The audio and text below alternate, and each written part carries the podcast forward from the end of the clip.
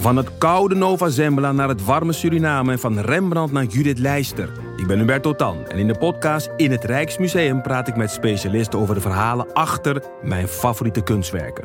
Nieuwsgierig? Beluister nu de nieuwe afleveringen. De nieuwe Nederlandse musical Onze Jordaan van Diederik Ebbingen is dit najaar in de theaters te zien. Koop nu uw kaarten op onzejordaan.nl. Leuk toch?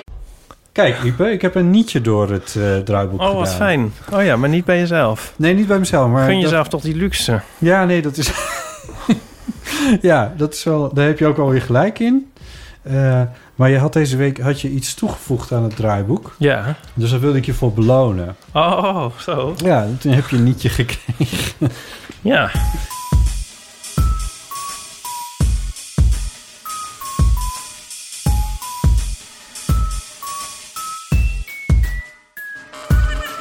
Welkom bij de Eeuw van de Amateur, aflevering 139. Met natuurlijk Ipe Driessen. Hardo. En ook de gast op afstand, maar toch, Jonica Smeets. Hallo allemaal. Wat leuk, wat leuk dat je er bent.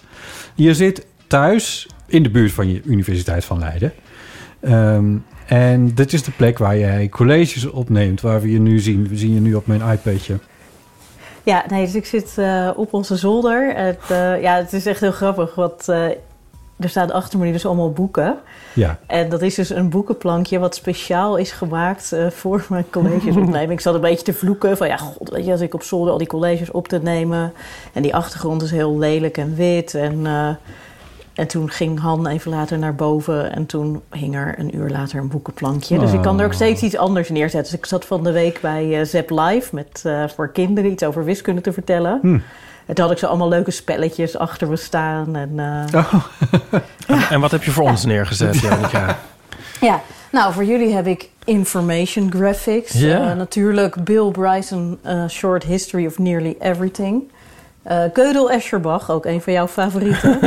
Eh, de Bone Clocks van David Mitchell. Dan wat Vonnegut boeken. En, eh, en mijn eigen boekje, super logisch. Daar had ik er al sluikreclame tussen gezet. Ja, oh, nou, is zeg je wat. eh, dat je daarover begint, want eh, wij hebben dat hier ook uh, klaarstaan. Samen met eh, de, de lijvige biografie eh, over Hitler, van Hitler. Nou, maar goed, nu we het toch over je boek hebben, super logisch. Dat was eigenlijk al, eh, die is kort geleden verschenen. Eh, een verzameling van eh, de beste columns uit de Volkskrant, zoals je die schrijft.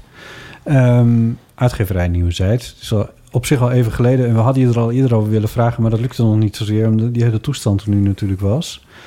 Ehm, Oh, joh, ik dacht echt helemaal van, oh wat lekker. Ik ben gewoon te gast. Ik hoef helemaal niks te verkopen. Niks voor te bereiden. een beetje Nee, over we gaan- praten. maar Ja. ik, ik denk, ik plug je boek meteen eventjes.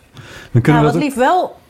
Ja, natuurlijk ehm, moeten mensen als het kan het bij een eh, lieve, fijne boekhandel bestellen. Maar als je zelfs dat moet vinden, er is een e-book sinds vorige week. Er was geen e-book van. Oh, Eh, maar omdat best wel veel mensen het vroegen en niet meer zoveel papier wilden, heeft de uitgever toch een e-book laten maken. Dat is echt net, eh, net klaar. oké. Dus als je gewoon thuis op je e-reader alleen nog maar op een knop wil duwen, kan het ook. Ja. en, en Paulien die leest ook altijd haar boeken voor, uiteindelijk in een podcast. Huh.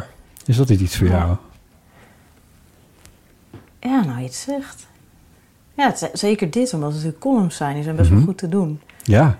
Goh. Nou, nou, als ik een keer tijd over Ik zou net zeggen, als je een keer het verveelt.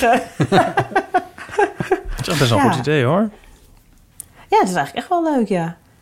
Maar ja, eigenlijk zou ik dan toch... Ja, nee, weet je, ik schrijf wel ook elke week een nieuwe column. Dan zou ik liever ook weer iets actueels doen als podcast... dan een column van drie jaar terug nog eens voor te gaan lezen, Paulien. Nou ja, onder de tijd hebben ze niet te lijden, toch? Ik bedoel, een, verhaal over eh, of kinderen hun meerkoeten herkennen of niet.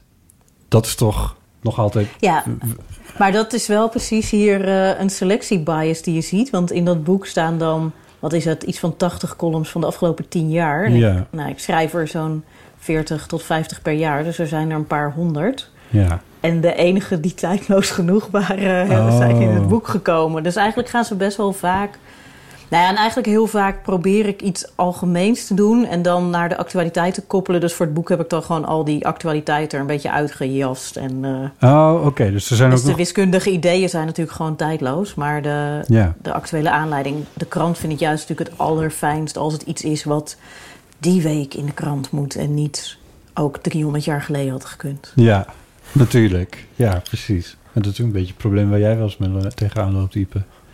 Die nou, laten mij wel eh, vrij bij het parool.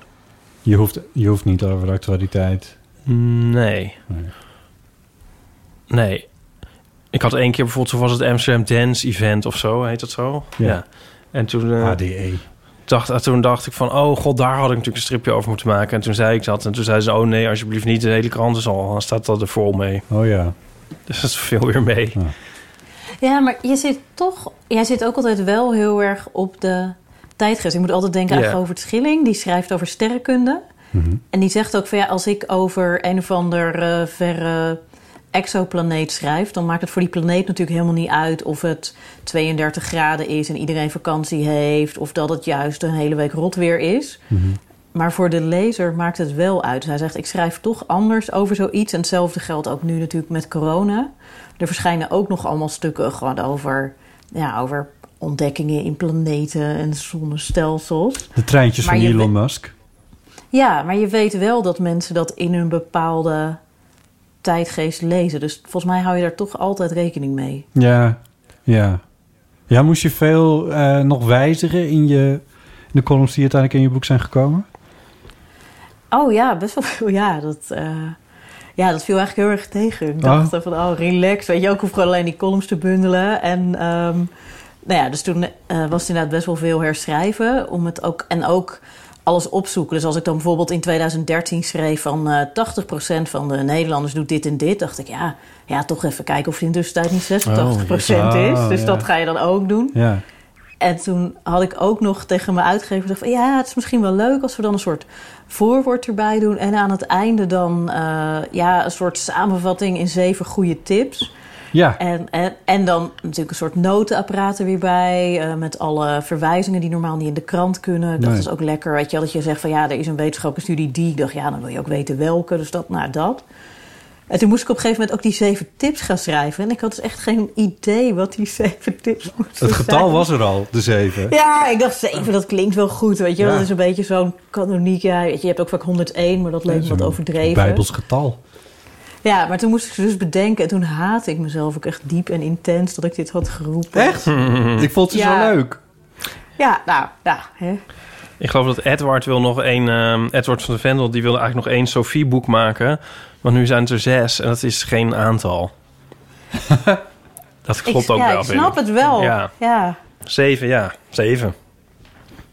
Ja, ja, wat ik dus heel erg mis nu is ook ja, baantjes zwemmen. Ik zwem dus ook altijd een eh, gek aantal baantjes, wat ik er ook lekker van. Dus ik doe inderdaad ook altijd dan Priemgetallen. 51 baantjes of zo. Ja, nou, 51 is dan weer geen priemgetal. Ja, maar ik was inderdaad bezig met een soort trainingsschema... met steeds naar het volgende priemgetal elke week.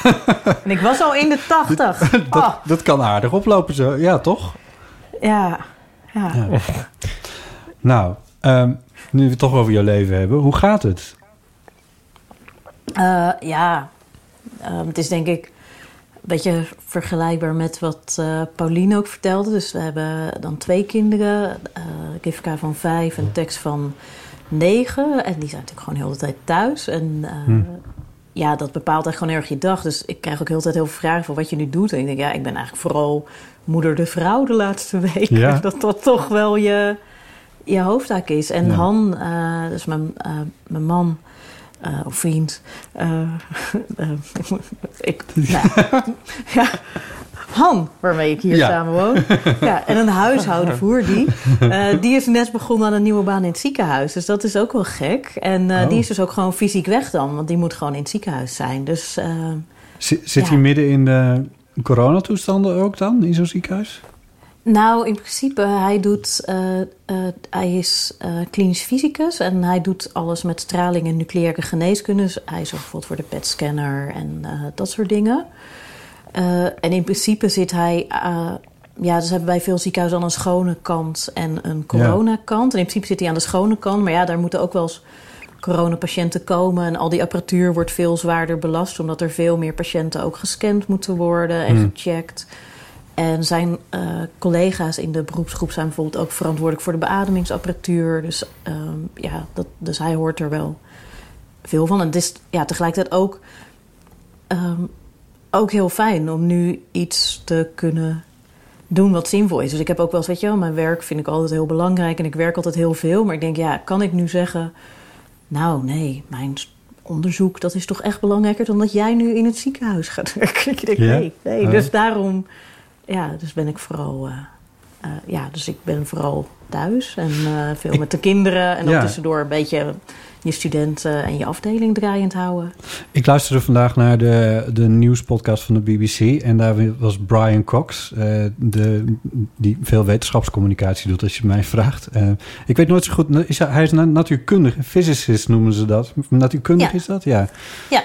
Hij zei, eh, hij was daar omdat hij, of hij kwam daar even aan het woord, omdat hij zei van, ik kom er nu dus achter, voor zover dat nog nodig was, maar hoe ongelooflijk ingewikkeld het is om natuurkunde uit te leggen aan iemand van vijf. ja. Dat zegt de, ongeveer de, een van de belangrijkste natuurkundigen van, van, van Groot-Brittannië dan. Hoe is dat bij jou? Oh ja, ja, ik moet zeggen, het is, ehm, qua schoolwerk valt het wel, wel mee. Dus tekst die heeft dan het meeste, maar die is nogal zelfstandig. Dus daar hoeven we eigenlijk vrij weinig aan uit te leggen. Het is meer even controleren of hij het gedaan heeft. En hij had echt een heel leuke opdracht vorige week. Moesten ze, moest je zes dezelfde glazen vullen, vinden. En die dan met water vullen volgens verschillende breuken. En dan muziek erop maken. En dan Oh, moest je ook nog die waterglazen met... eh, kon je ze met waterverf een kleurtje geven, die glazen. En dan moest je een filmpje maken en dan zeggen welke breuken je had gebruikt. Dat is ook wel een tip voor de luisteraars, dit. Het is echt superleuk. ja. en dan kan je dus helemaal uitzoeken. Want dat is dus de stemming van Pythagoras kan je dan gebruiken. Eh, Maar goed, al die kinderen... De stemming. was gewoon... Ja, zo heet... De stemming van Pythagoras. Ja, iemand zou ook... Is dat een cocktail? Dat zou echt zijn. Dat, eh, ja, dus dat. Ja, en de jongste, je, die is vijf. Ja, die ga ik echt geen natuurkunde uitleggen. In het begin dacht ik wel van... Ja, ik moet heel veel dingen met haar doen. Dus we hadden ook wel werkjes om letters te leren. Maar ja, uiteindelijk is zij toch gewoon het meest eh, eh, happy de peppy... als ze gewoon een beetje zit te knutselen. Dus die zit eigenlijk de hele dag dingetjes te stempelen en te kleuren... en een beetje in de tuin knutselprojectjes te doen. Dat, Oh ja. eh, Dat klinkt wel goed. ja. Toch? Ja. En kan jij dan ook nog wat werk do- doen tussendoor? Of is dat echt zo'n beetje uitgesloten? Ja, nee, dus kijk, ik, ehm, dus ik heb vooral best wel veel afstudeerders en ik begeleid ook eh, promovendi en ik, nou, ik leid een hele groep. En je Ja. kan natuurlijk niet alles laten vallen, dus je doet vooral waar mensen afhankelijk van je zijn. Dus je zorgt eerst dat je afstudeerders allemaal oké zijn en eh, nou ja, dan in de groep wat er gebeurt, wat er moet gebeuren. En eh, dus het is een beetje, Han is niet alle dagen in het ziekenhuis. Dus de dagen dat hij er is, dan eh, werk ik extra lang. Ik werk ook vaak wel s'avonds. En eh, ja, ik ben inmiddels ook wel de schaamte voorbij. Weet je, in het begin denk je van ja, ja, ik kan echt geen videoconferentie hebben terwijl de kinderen in de buurt zijn. Maar op een gegeven moment zei hij van ja, maar dan heb ik nooit meer Nee. tijd. Zeker als, ja, vorige week moest Han meer naar het ziekenhuis. Dus was ik eigenlijk alle dagen met de kinderen.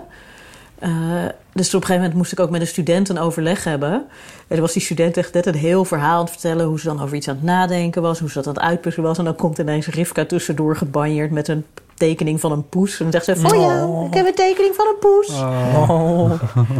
Ja, en eh, ik denk wel dat het lekkere is dat iedereen het snapt. Weet je wel, je hoeft... Weet je, als je een keer Ik denk zelf ook soort- zelfs wel leuk vindt. ja, ja, nou ja, het is natuurlijk wel lastig. Want je merkt dan wel als student natuurlijk dat... Ja, je beseft gewoon dat je niet de volle aandacht van je begeleider hebt. Niet 100%. Maar aan de andere kant, dat heb je in normale situaties ook niet. Want dan zijn ze natuurlijk gewoon stiekem aan hun eigen onderzoeksproject. Precies. En er is ook geld aan denken. Ja. Ja, ja dus ik... eh, en op zich zijn eigenlijk ook de kinderen ook best wel... Weet je, als het echt belangrijk is, dan kan ik ook gewoon zeggen van... nu moet ik echt even een uur naar zolder en moet je even samen wat doen. En dan, eh, dan doen ze dat. Dat wordt geaccepteerd. Ja, weet je, als je dan daarna, weet je, dat denk ik ook. Dus we proberen ook te zorgen dat ze niet de hele dag achter, eh, achter schermen zitten. Want dan worden ze ook de rest van de tijd zo hangerig en vervelend van. En als je ook zorgt dat je als je er bent echt leuke dingen met ze doet. Dus ik doe ook echt, ja, ik hou heel erg van spelletjes. Dus in die zin zit ik heel goed dat ik nu gewoon echt super veel spelletjes doe. Hmm. En eh, we zijn, eh, kennen jullie Pandemic Legacy? Nee. Nee. Oh, het is echt episch. Dat is namelijk, eh, eh, dus je hebt gewoon Pandemic. Dat is een coöperatief spel waar je dan een pandemie moet zien tegen te houden. Dus dat, eh, en dan heb je verschillende rollen. Maar je hebt ook een speciale versie. En dan speel je het spel zogenaamd een jaar. En elke keer dat je het spel speelt is dan één maand. En het wordt dus in het loop van het jaar steeds erger. En dan, nou, het is echt... En de ziekte heet ook gewoon COVID. Dus Niet. helemaal... eh, Ja, ja, je bent echt helemaal in de stemming. En bij ons, eh, nou ja, goed. op het moment staan we er niet zo goed voor. En halve steden zijn al ingestort. En, eh, Oh, jeetje. Maar dat is niet... eh, dat, dat is dus leuk. Het is niet deprimerend. niet too, too real of too soon. Nou, wat ik vooral wel heel lastig vind, is dat het echt je wel heel erg aangrijpt als het niet lukt. Dus je speelt samen tegen het spel, dus niet tegen elkaar om van te winnen. Ja. Dus je bent samen aan het proberen zo het zo goed mogelijk te doen. En we, we hadden eerst achter elkaar best wel veel gewonnen. Dus toen waren we echt zo, yeah, we zijn echt super goed. Oh. En dan ging je elke keer zo heel blij naar bed. Maar nu hebben we dus drie keer Oh, achter nee. elkaar verloren. En echt ook echt dat je wel zo nipt. Dat je echt zo denkt, oké, oké, we hoeven nog maar één beurt. En dan hebben we de mensheid gered. Ja. En dan ineens, bam, uitbraak, eh, heel Azië dood. En eh, oh, daar gaan we. Ja. Oh god. Ja. Ja. Nee, ik ga dat niet doen. Wij doen elke week sinds kort eh, codenames eh, via Zoom met, eh, met Paulien en eh, de familie en eh dat? assorted anderen. Wat is dat met op je voorhoofd plakken? Of, eh? Nee, het is... Oh god, hoe leggen we dit uit? Je hebt een veld van 25 woorden. Ja. Oh ja, ja. Dat. Mensen zoeken Dat je op... steeds minder dingen mag gebruiken om het uit te leggen. Nee. Oh, weer niet. Oh, dan moet je het toch uit gaan leggen. Je hebt 25 woorden, je hebt twee teams. En Een teamleider? een teamleider. Ehm, en dan moet je... Je krijgt alle... Een deel van Je het... hebt twee team captains. Ja. En die eh, hebben een, eh, zeg maar, zeven woorden van de 25. Allebei krijgen zij toegewezen. En die moeten ze zorgen dat hun team die raden. En zij moeten die woorden met elkaar in verband brengen. Maar je moet dus eh, het zo doen dat je niet de woord... Dat, dat niet jouw team het woord van een tegenstander raadt. Ja. En je moet het zo snel mogelijk zien te doen. En er is ook een woord dat, dat op het veld ligt dat niet geraden mag worden. Dan, is het, dan ben je af. Dus, dat, ehm, dus er zit een soort valkuilen in, zeg maar. De teamleider Maak die je zegt die lijst dan... zelf of dat zijn vaststaande lijsten? Die lijsten die zijn gegeven. Ehm, Oké. Waar die precies vandaan komen, dat weet Daniel Cornelissen. Want die leidt dat bij ons altijd heel go- in goede banen. Dus dat weet ik niet precies, maar dat zal met het, met het spel komen, denk ik dan. Ehm, en, en wat je dan dus roept als teamleider is iets als superlogisch 3. En dan zijn er dus drie woorden die gekoppeld zijn aan superlogisch. En dan moet je dus uitzien te zoeken welke woorden dat zijn. En dan roep je dat, tenminste als team dan. En de teamleider die weet dan of het goed is of niet. Het is als geen touw aan vast te knopen, natuurlijk, Nee, deze dus- uitleg. nee. Maar dat maakt niet uit. Er staat een eh, uitlegje van, van vier minuten op YouTube. Als je dat kijkt, dan snap je het. Ah, ja. En Anyway, met hoeveel doen jullie dat? acht of zo. ja. Kijk, we- Pauline en Huis zijn het er vier die dan meedoen. En wij met z'n tweeën, of jij, jullie- jij met, met twee en ik. Daniel, Joost. Daniel Justus, eh, ja, zoiets. Ja. Ja. ja, het is te gek. Het is echt wel een aanrader. Ik vind het veel leuker dan... Maar ja, ik vind sowieso dingen online doen. Want ik merkte ook, we hadden dus ook ehm, op het werk... Maar we doen normaal best wel veel in onze afdelingen. Onze studenten zijn ook heel hecht. En dat de staf, die, ja, die hebben bijna allemaal jonge kinderen. Die hebben niet zoveel tijd. Dus ook, we hebben nu een soort animatieteam. Weet je, ik moet ook heel tijd aan zo'n soort camping of vakantiepark Ja. denken... waar het animatieteam komt. We hebben dus ook twee studenten die het animatieteam zijn. En Oh, die heel de tijd allerlei online dingen regelen. En vrijdag hadden ze... En ze hebben al elke vrijdag dus een borrel online. Maar dat ja, is toch een beetje awkward, online borrelen. Want je kan niet in een hoekje heel erg roddelen... wat je normaal zou doen op een borrel. Maar nu hadden ze dus ook een Koningsdag quiz gemaakt... En dat was echt, ja, dat was dan gelijk zo leuk. Want dan zie je iedereen heel fanatiek meedoen. En dan heb je een beetje Ja. discussie over de vragen. En dan heb je tenminste wat te doen. En het is ook heel leuk om iedereen dan te zien eh, stuk gaan als ze een vraag fout hebben. ja.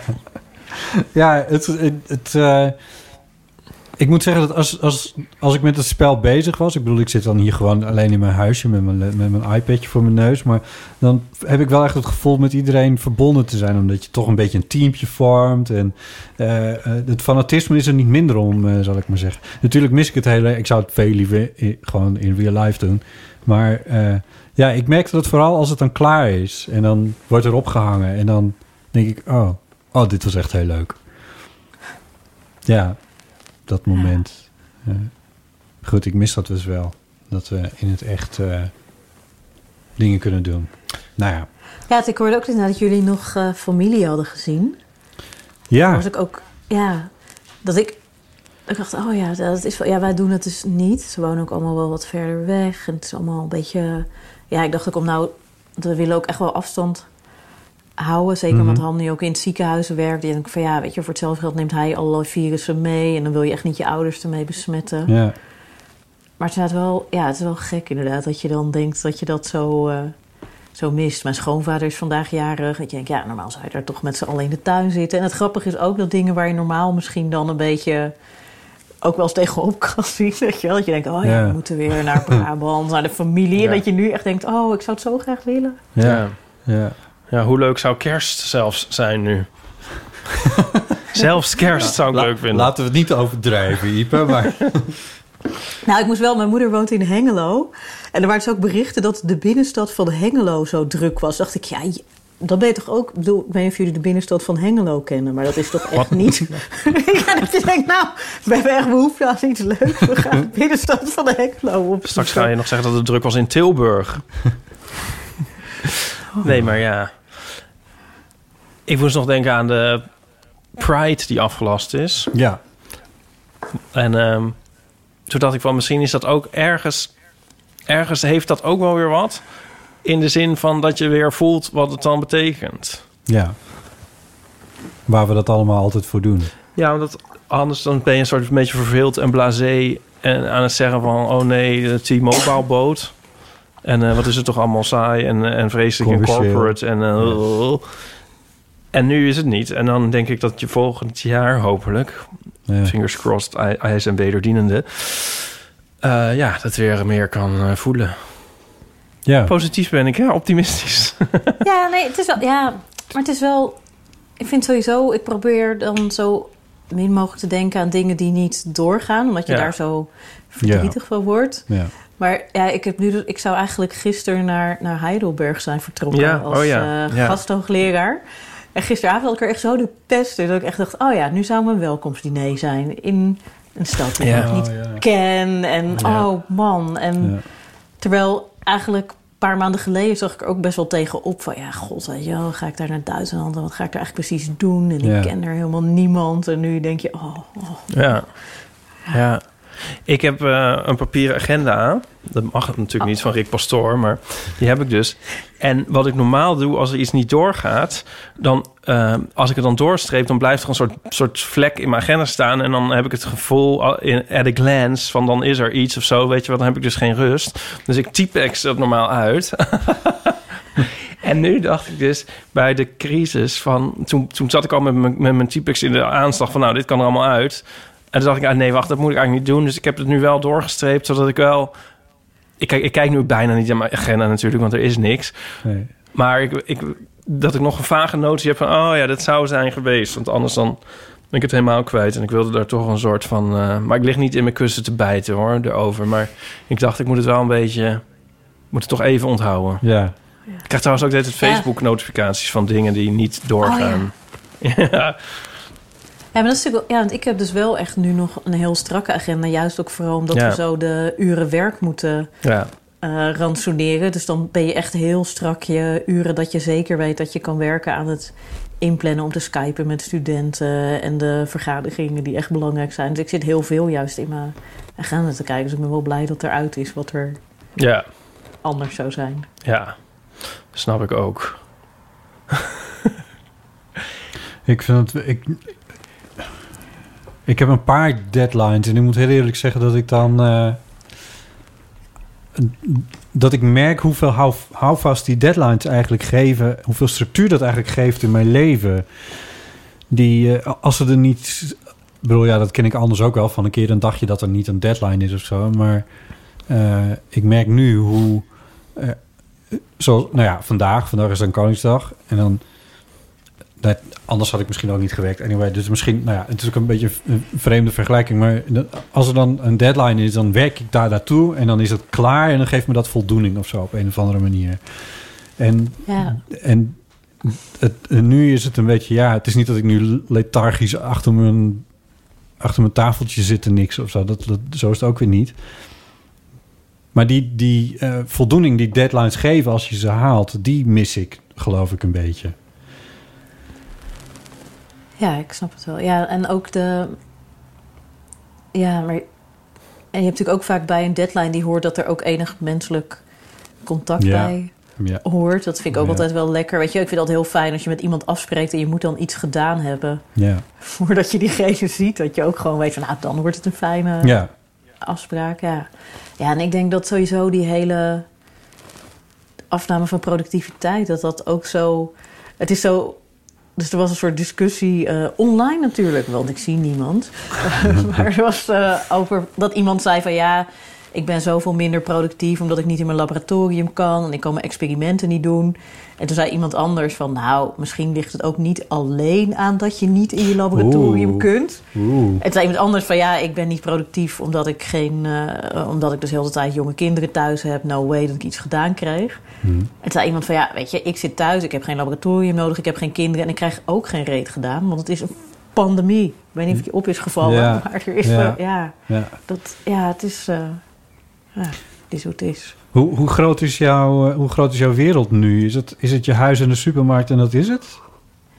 Eh, nou ja, zelfs de supermarkt niet meer, want we laten alles bezorgen. Omdat we Ja. echt helemaal gek werden van de, van de supermarkt. Ja. Ehm, ja, dus nou ja, we zijn dus vandaag eh, gevlucht. Het is dus vandaag Koningsdag. En hadden mensen in onze straat bedacht eh, dat het toch leuk was om een soort eh, kinderspelen en ook een beetje een vrijmarktje te organiseren. En s'morgens stonden ze muziek te maken. en uiteindelijk, ja, en er waren ook dan nog vrienden van buren op bezoek gekomen. En dan allemaal, ja, weet je wel, zo net wel, net niet anderhalve meter, maar gewoon veel mensen bij elkaar. Ja. Horen jullie nu mijn Ja. kind schreeuwen? Ja. Beetje. Moet je er even naartoe? Nee, nee, nee. Dit Nee. Maar, eh, maar vandaag, ja, wij dachten dus van ja, het is heel lekker weer. We krijgen de kinderen haast niet binnen. Maar als dan de halve wijk nu een soort ja, buiten op een pluitje staat, dan willen wij er ook niet bij. En dan moet ik zeggen, mijn dochter is dus heel de tijd verkouden. Dus die, ja, die mag formeel. Dus we zijn vandaag voor het eerst weg geweest. Dus we zijn met z'n allen in de auto. We zijn naar het pittoreske Rotterdamse havengebied gereden. Zo. En we hebben dan op een soort doodlopende weg een rondje gelopen. Ah. Want alle stranden en alle recreatiegebieden zijn daar afgesloten. Oh ja. Maar het was eigenlijk heel lekker om een keer gewoon, weet je wel, eigenlijk dacht ik, ja, een soort autotoerisme. Dat je gewoon een Ja. soort rondje rijdt en dingen ziet. En eh, Ja, leuk. ja.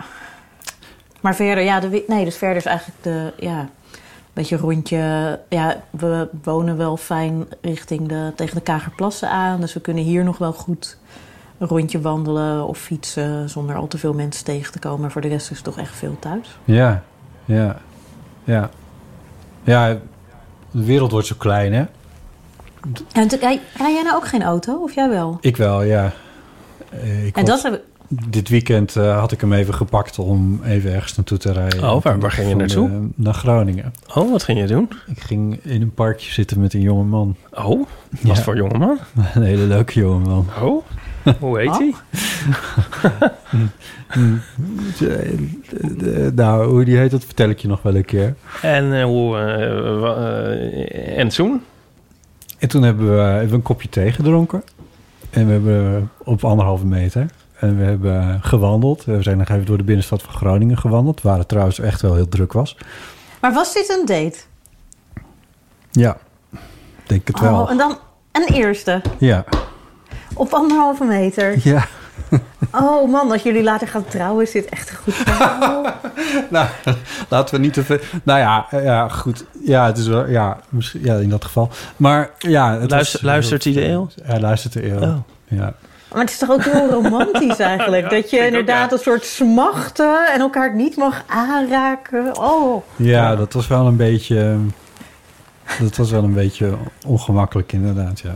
ja. Ongemakkelijk, Maar ja, nee, het is- romantisch, zegt ze. Dit is toch juist ook een soort... eh, ja, ik, ik, wat ik wist natuurlijk al. Het is een beetje zo verboden vruchtachtig. Ja. En eh, Ja, maar als je daarin zit, dan is dat helemaal niet zo leuk hoor. Nou, en het is natuurlijk ook niet duidelijk hoe lang je erin zit. Als je nou zou Nee. weten van, nou, we moeten even drie weken wachten, maar dan kunnen we los. Ja, kunnen we los. ja, nee, ja, nee. Nou ja, er kwamen... Kijk, eh, ehm, meteen... Hoe zeg je dit leuk? Ik bedoel, meteen de aanraking zoeken, laat ik het zo zeggen. Meteen de aanraking zoeken, dat is misschien ook wat...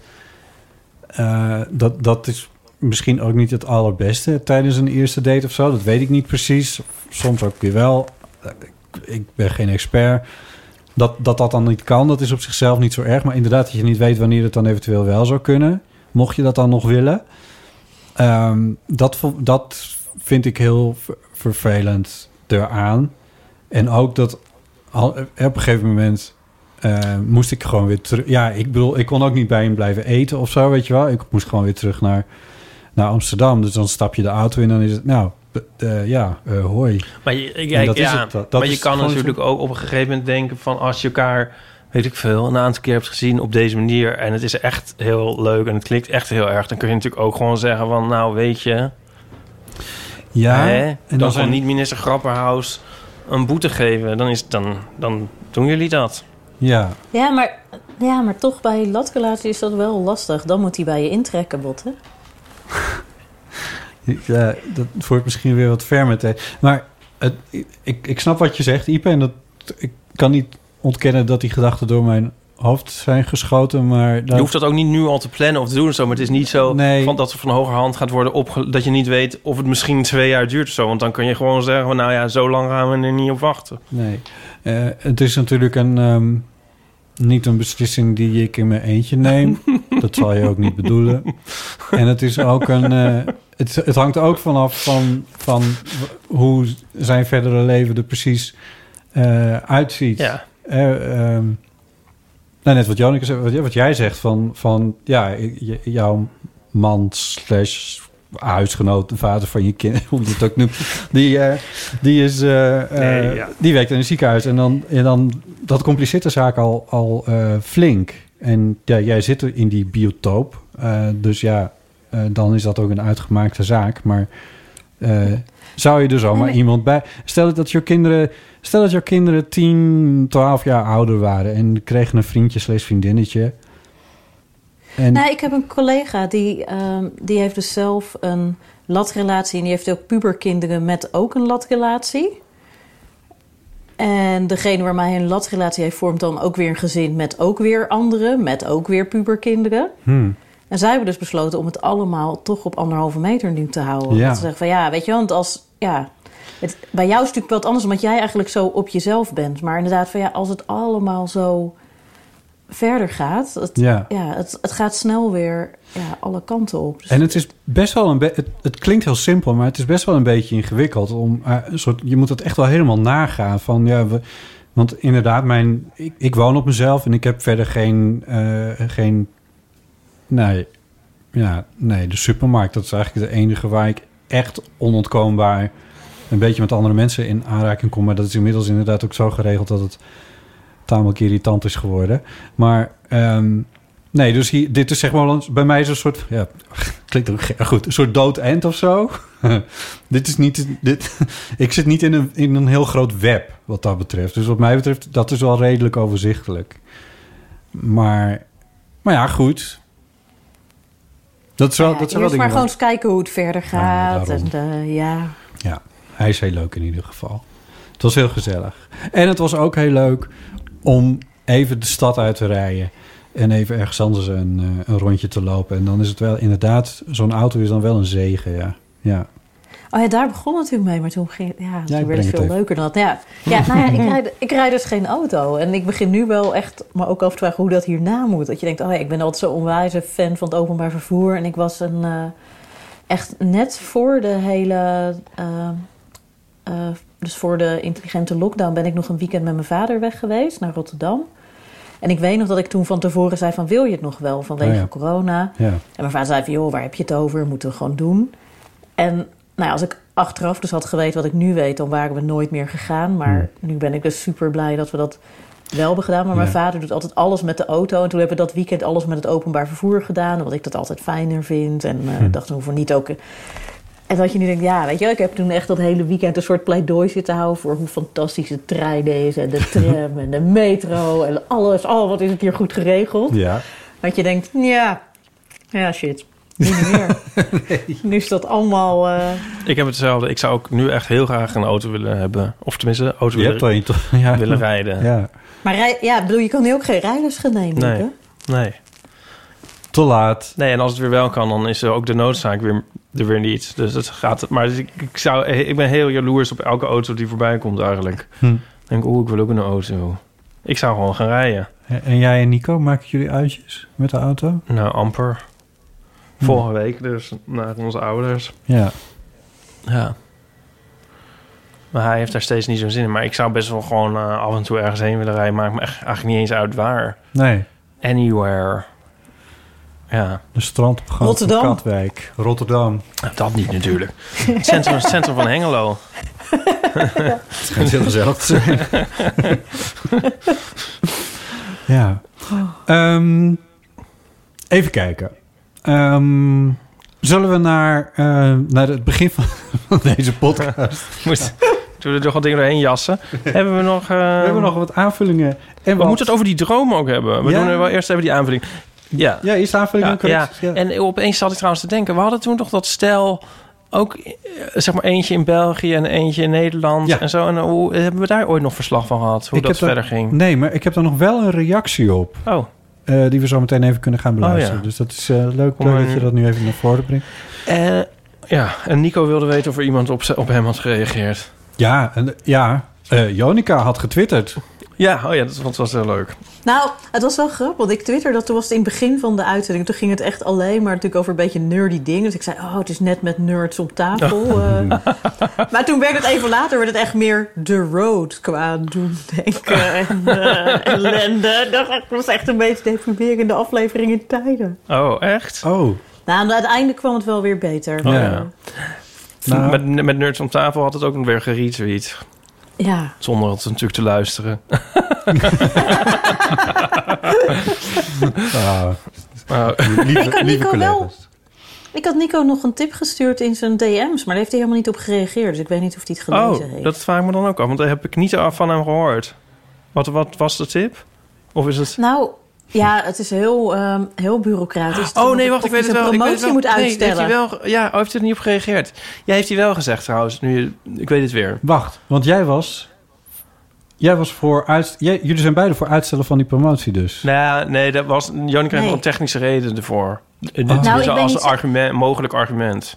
Juist.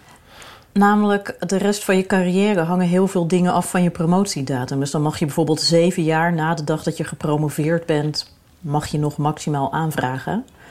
Dus dan kan het gunstig zijn om die datum juist wat later... of voor sommige dingen misschien juist eerder te hebben. En mocht je dat willen, dan zou ik dat even checken wat je... Ja. Hey, Ja.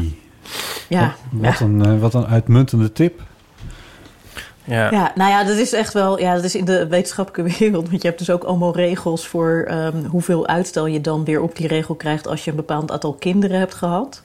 Dus je krijgt dan per kind uitstel. En ik ken dus iemand die ooit serieus tegen zijn vrouw heeft gezegd: van ja, als we nou nog een vierde kind nemen, Laten we dan het dan, kan nu ik doen. volgend jaar die beurs aanvragen.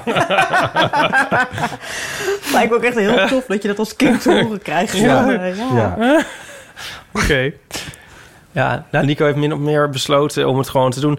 En ik moest de hele tijd denken aan een uitspraak van een vriend van mij. Die zei altijd van, ja, vaak is eigenlijk eh, de beslissing aan zich niet zo belangrijk als er maar iets besloten wordt. En ehm, daar ben ik het eigenlijk helemaal niet mee eens. Maar daar moet ik wel heel vaak aan denken. En dat heb ik hier ook een beetje bij. Zo van, ja, weet je, het kan allebei en dan beslis maar wat. Toch? Anders blijf je zo dubben. Nee, en volgens mij is het. Ja, nee, het is niet altijd waar. Maar ik denk in dit geval inderdaad van ja, je moet toch. Weet je, het is allebei shit. Dat is het vooral. Ja. Het is allebei wat je niet wil. Ja, klopt. En dan, eh, nou ja. Ja. En dan that bombshell. On that bombshell. Oh ja, Iep, er was een mailtje voor jou, aan jou eh, gericht. Ja. Eh, want we eh, hadden de vorige keer... ehm, ging jij de donaties voorlezen? Ja. Oh, dat moeten we nog doen. Ja, dat moeten we nog doen. Dat mag ik dan zo wel eens doen. Ja? Ja, en toen reageerde ik dus heel stom op iemands naam. En waar ik meteen spijt van had. Toen heb jij dat niet eruit gemonteerd. Waarvoor nog dank. Dus toen hoorde zij het. Het gaat om Karin Heun. En ehm, ik zei het al, ik had meteen spijt. Dus het was volgens mij ook hoorbaar. Maar goed, zij mailde en ze zei... ehm, waar ik al bang voor was, hoorde ik vandaag gebeuren in de laatste podcast. Toen ik een do- donatie deed via PayPal... besefte ik me later die dag dat de namen van donateurs worden voorgelezen door botten. Ik dacht nog, zal ik er een mailtje achteraan sturen dat mijn naam niet genoemd hoeft te worden? Dit om te voorkomen wat, wat, nu, wat er nu gebeurde. En omdat jij een hekel hebt aan woorden met eu. En wat er altijd gebeurt als ik mij voorstel aan iemand. Niemand verstaat het in één keer goed en vraagt het na. Of er wordt gereageerd zoals jij deed, Ipe. Want ik zei dus namelijk... Huh? Ja. Ja. Mijn vader, die weet de achternaam te ownen, zoals jullie zouden zeggen. Als hij de telefoon aanneemt, zegt hij enkel heun. zoals inderdaad vaders dat kunnen. Ja. Ik ben nooit zo ver gekomen dat ik het kan ownen. Mijn enige overweging om ooit met mijn vriend te trouwen... eh, ondanks dat ik veel van hem houd... is dat ik dan zijn veel mooiere achternaam aan kan nemen. Ja, Eh, maar goed, misschien heb je nog een goed advies voor mij om dit weer recht te breien. Nou, ehm, volgens mij ehm, gaat ze daar al heel goed mee om. Ehm, ja. ik heb haar als troost maar een eh, Ik, leuk boekje opgestuurd. ik wil ook een beetje... Oh, echt? Oh, wat goed van je. Ja, Dankjewel dat je dat En, hebt eh, gedaan. Ik wil een beetje de schuld op me nemen hier. Ook omdat ik degene was die die naam raar uitsprak in eerste instantie. Wat, wat komt door een, een hele lichte vorm van eh, dyslexie slash dyscalculie. Eh, ik kan niet, als ik een EU, of, ja, de EU-combinatie zie, dan zie ik niet eu. Dat gebeurt niet in mijn hoofd. Dan moet ik echt eerst letterlijk denken aan het allereerste woordje wat ik leerde met die combinatie. Dat is het woordje reus. En dan weet ik dat het de eu-klank is. Oh, En dat heb ik met UI heb ik dat ook. En met eh, OE heb ik dat ook. En de enige reden dat ik weet dat een OE wordt geschreven als OE...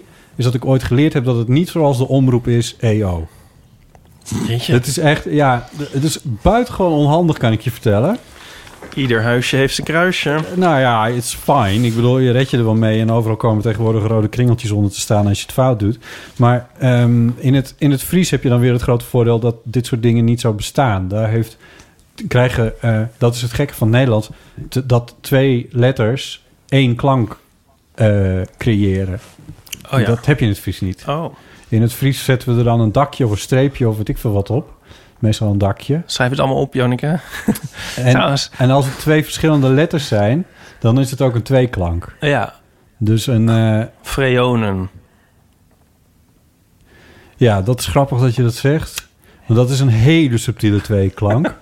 Vreun, wat euje is het een beetje. Er zit een soort, zit een soort gat in, dat, dat woord. Ja, Ah, ja. ja, Eh, Maar het zijn- het is een tweeklank. ah, ja. ja.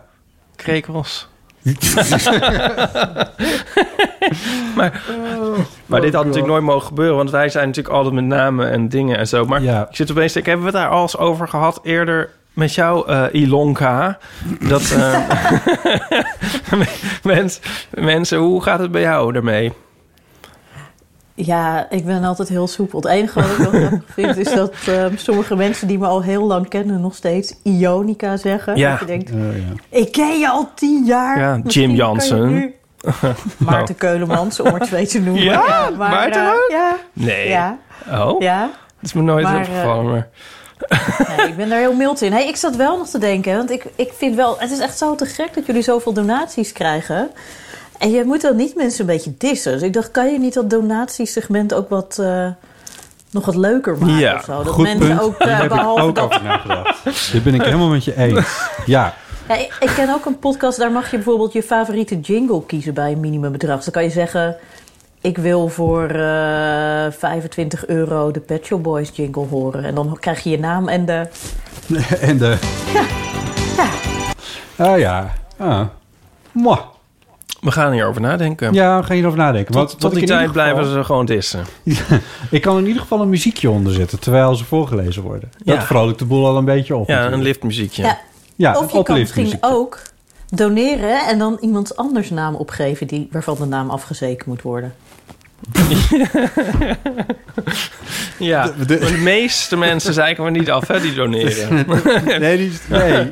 Maar we, waren haar ook niet aan het af. Ik kon gewoon, ik sprak die naam. Nou ja, anyway, dit komt ook niet meer goed. Ik, ik moet van tevoren die namen gewoon goed voor mezelf een keer voorgelezen hebben.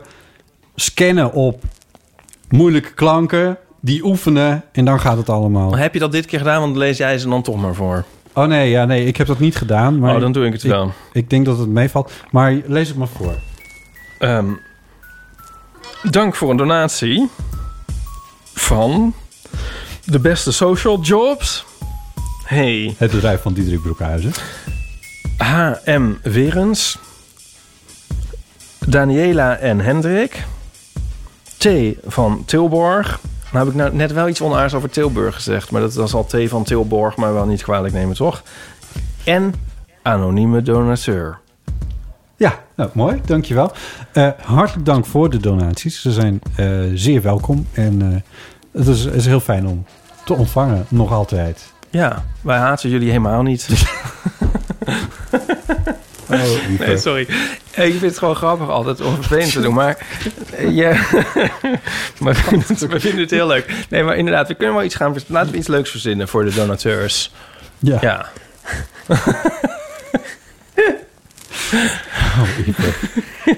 hey, Botte. vijf jaar geleden. Je, Over vijf jaar maak je een podcast met iemand die al je donateurs gaat afzeiken. Hoe zou je nou beginnen?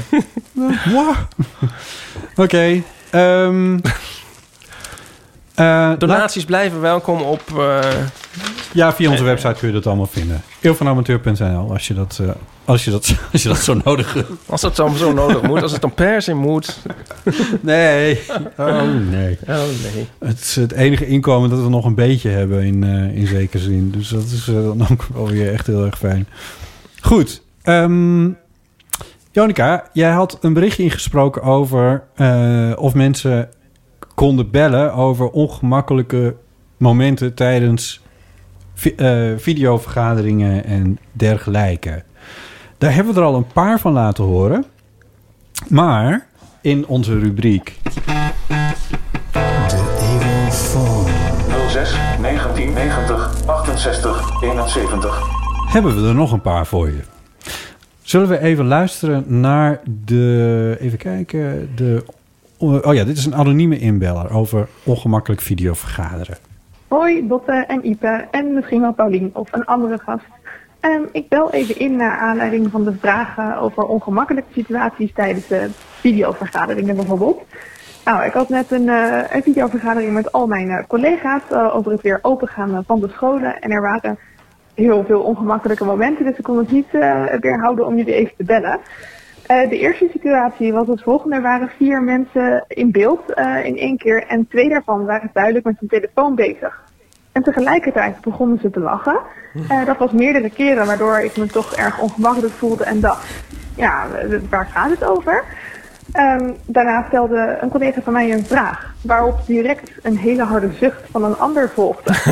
en mijn collega zei, ehm, was dit een vraag die ik niet echt had mogen stellen? Waren jullie het hier niet mee eens? En toen volgde een hele lange stilte. eh, en niemand vertelde wie die zucht Oh, eh, ja, nou eigenlijk eh, maakte. Ook niet van, goh, het was een foutje, waardoor eigenlijk alles nog ongemakkelijker werd. En er ook telkens in de hele vergadering op teruggekomen is. En ik gewoon enorme plaatsvervangende schaamte had. Eh, en deze hele vergadering werd afgesloten met iemand die in beeld eh, gebeld werd. En eigenlijk ook gewoon de telefoon opnam en tijdens de vergadering aan het bellen was. En, en blijkbaar niet meer geïnteresseerd was in eh, ja, hoe wij ervoor gaan zorgen dat alle kinderen weer veilig eh, naar school kunnen. Dus ja, eh, heel ongemakkelijk. Nou, succes met de uitzending. Doei doei. Dankjewel. Ehm ja, ik, er wordt wel een beroep gedaan op je mildheid bij eh, dit soort dingen eh, natuurlijk. Maar ik weet niet of het, of het een goed idee is om te pleiten voor... eh, hoe zeg je dat? Etiketten? Video? Nou, ik dus wel. Oh, oké. Nee, ik, ik heb vrij veel vergaderd en ook op heel veel platforms. Dus, De zeven kijk- etiketregels van Jonica. Nee, nou ja, bepaalde dingen helpen wel echt. En ik merk bij ons, dus we hebben onze eigen eh, vergaderingen en eh, met studenten, maar ook met onze eigen staf. En dan zijn er teamvergaderingen van de universiteit. En ik zit nog in raden van toezicht en zo. En iedereen heeft zijn eigen dingen. Ehm, maar wat je merkt, is bijvoorbeeld ehm, een goede microfoondiscipline. Dat iedereen gewoon zijn microfoon uitzet, behalve degene die de vergadering leidt. En dat je jezelf alleen even unmute als je iets wil zeggen. Dat scheelt dus al dit gezeik met zuchten en mensen die je hoort. Ik, ik heb een vergadering gehad waar iemand naar de wc ging terwijl zijn microfoon nog aan stond. Oh, Ja, en ook, ehm, en ook ja, wat gewoon vervelend is dat al die platforms anders zijn. Dus dat je bijvoorbeeld maar vier mensen ziet. Er had ook de vorige keer iemand het over. Dat is in, eh, in Teams van Microsoft. En dat is gewoon heel, heel kut eigenlijk. Want je hebt ook Zoom, maar dat, maar op de universiteit mogen we dat nu niet meer gebruiken. Maar daar kan je gewoon wel 50 Vanwege mensen tegelijk zien. privacy dinges. Ja, ja, dus, ja. eh, maar bij privé dingen gebruik ik nog wel eens Zoom of dingen van buiten de universiteit. En dan zie je iedereen tegelijk. En dat is super handig. Want dan kan je vragen, is iedereen het er maar eens? En dan kan iedereen gewoon goed schudden. Ja. En, en, En- en, bij Teams, hoe ziet het er dan uit? Want dat ken ik niet. Ja, dat is dus waar ze het ook vorige keer over hadden. En wat ze nu ook zijn, dan zie je alleen de vier mensen die als laatste gesproken hebben. Ja. De rest zie je niet. Dus inderdaad, als iemand dan zucht die niet in beeld is, weet je dus niet wie het is. En ook dat, eh, ja, degene die het laatst gesproken hebben. En daarbij werkt dan ook het muten van je microfoon weer minder soepel. Dus ik had inderdaad laatst ook een eh, eh, vergadering waar Rivka dus in de kamer was. En ik aan Rivka uit ging leggen wie al die mensen in beeld waren. Waarna op een gegeven moment ook de instituutsmanager zei... Jonica, je microfoon staat nog aan. Hey. Ja. Maar ja, en ik had niks gênants of onaardig gezegd, maar meer dat het gewoon wel heel irritant is voor de rest. Dus Ja. ik vind dat basisetiket dus inderdaad gewoon je microfoon uit. Zeker als je met twintig mensen bent, gewoon al voor de achtergrond ruis en geluid. En een boekenplankje achter je. Een boekenplankje achter je neerzetten, ja. Nou ja, kleren aan is toch ook wel. Ja. Heb je dat meegemaakt? Dat de mensen wel wat heel weinig kleren aan hadden? Nee, nee, dat zou ik eigenlijk ook wel grappig vinden, denk ik nu. Maar eh, Joost had dat gehaald, toch? Dat zijn, eh, Een vriendje door het beeld liep. ja, met wel weinig kleren, met Ja. weinig kleren aan. Ja. Ja. Oh, ja. ja. Ah, microfoondiscipline vind ik eigenlijk een hele goeie. Van zet hem in principe gewoon uit. Staat om te beginnen, staat hij uit. Ja, nou ja, dat is dus niet bij alle dingen, maar dat kan je dus soms instellen. En, eh, en anders moet je dat even afspreken. En dat scheelt echt al volgens mij eh 80% van al het gezeur. Ja. ja, want dan kun je mensen ook blijven verstaan. Dat is, een, eh, want dat is ook nog weer een keer zo'n dingetje. Ja. ja, en ik zou toch ook eigenlijk zeggen dat je niet op je telefoon moet gaan zitten klooien. Dat doe je normaal ook niet in een vergadering. En als je dat. En ik, ja, ik denk ook als je een goede voorzitter bent, dat je dat dan ook zou moeten zien. Ja. Weet je wel, Dat als je ziet van mensen zitten op een telefoon, dan is dat blijkbaar een teken dat de vergadering te lang is. Dat ze het gevoel hebben dat ze er voor niks bij zitten. Ja, dan moet je zorgen dat die vergadering zinvol is. En anders. eh, Goed, goed punt. Goeie punten. Oh, ik zie dat Iep op zijn telefoon zit. Nee. Nee, ik zat erover na te denken. Ja, Ja. eh, dit is... Ja. Met- met- met- met- De, de sociale Zoom-gesprekken, afgezien van onze spelletjes... zijn bij mij een beetje opgedroogd. Die heb je niet meer. Nee. Nee, ik zat te denken of daar ook etiketten voor moet komen. Ja. Ik vind het dus heel lastig, de dynamiek of zo. Van... Ja, dat was het. nee, ik ben ook ja. inderdaad een paar keer met. Maar het is ook heel raar dat je nu ook dan met vrienden ineens gaat zoomen of facetimen in plaats van gewoon bellen. Dus ik ben ook wel weer gewoon juist gaan bellen. Je denkt, ja, normaal bel je ook een Oh ja. vriend of vriendin op zonder dat je elkaar ziet, maar dat je gewoon praat. ja. Sorry, dat was een hele harde ja. Maar ik, ik, ja, Ik hoorde die ja ook terug via Jon- Jonica's koptelefoon. ja. Nee, maar je kan elkaar ook heel moeilijk onderbreken of zo. Want dan is er gelijk zo'n soort verwar... Als je met een groep in een café zit of zo, of, of gewoon thuis... en dan kun je zo over elkaar heen buitelen... en dan blijft toch nog duidelijk hoe het allemaal loopt... en waar iedereen is en zo. ja. En dat, dat gaat dus niet lekker. Dat gaat gewoon niet lekker met Zoom. Nee. Of iets anders. Ik gebruik, ik gebruik het voor de sociale dingetjes, maar en voor de voor een enkele podcast die we op afstand, afstand opnemen. We zeggen, nou ja, goed, anyway, maar in ieder geval die, de podcast over media bijvoorbeeld, die nemen we op afstand op. Dan zitten Nou ja, Alexander Klupping zit thuis en zijn vader zit thuis. moeten ze nu hun eigen bier regelen Ze dan? moeten hun eigen bier regelen. En, eh, precies één keer gebeurd. en, ehm, ehm, en dan kijk ik mee, maar dat is meestal FaceTime of zo. Ja. Dus het- Oh, ja. ik- Ik heb trouwens nog een heel ongemakkelijk moment. Dat Aha. was, eh, eh, de, op, bij ons op de faculteit hebben ze elke ochtend ook een soort koffiebreak van een half uurtje. En dat is dan in eh Cultura, dat is dan een eh, educatieomgeving. En vorige week woensdag zou de rector magnificus, Karel Stolker, dan komen. Dus ik dacht, oh wat tof dat hij daar tijd voor maakt. Nou, toen lukte het door technische problemen niet om in te loggen. Weet je wel, dat al. Dat je Ja, ja. gewoon al allemaal een half uur zit te wachten. Ja. Maar toen kwam die dus afgelopen woensdag wel. Maar toen zag ik hem ondersteboven. Ehm, dus, en er was ook een chat naast. En toen zei iemand anders van... hé, hey, ik zie de rector ondersteboven, dat is gek. Ehm, maar toen bleek dus dat het bij de helft van de mensen wel zo was... en bij de andere helft van de mensen niet. dus hij kon ook niet even zijn iPad omkeren... want het was dus bij de helft van de mensen wel goed. Oh, nee. En in de chat gingen mensen zeggen van... ja, maar Jonica, jij hebt toch een Mac? Ja, maar ik heb ook een Mac en bij mij is het wel goed. En op een gegeven moment typte iemand toen ook in hoofdletters... let nou gewoon op wat hij zegt... Ja, dat is echt- maar het is onwijs verwarrend als iemand... Weet je, want je ziet dan dus inderdaad een paar mensen tegelijk in beeld... en eentje is op zijn kop. Dat is super. Ja, dat leidt af. Nou ja, Ja, dat weet je, af. en al dat soort... Nou ja, dit was eh, verder zei die gelukkig inderdaad heel goede dingen toen eenmaal... eh, op een gegeven moment heb ik nog besloten om gewoon niet meer te kijken... en gewoon alleen te luisteren. Maar dat soort technisch gezeik ook. Oh my god. En, eh, ja. Ja, ik kan hier nog honderd strips over maken ook. Gelukkig. By the way. ja. Ik had een leuke strip met ons bedacht hierover. Ja, gaan we die maken? Ja, die gaan we maken. Ik kom van de Ja. week weer naar de studio, dus dan Ja. kan het mooi even. Ik ga me zo nog even inschenken. Schenk jij jezelf Eh, nog even in? Jonica, ik zou je graag iets aanbieden, maar... ehm Ah, kijk. Ah, hey, wow, de olielamp. De. Wat een mooie, mooie theepot.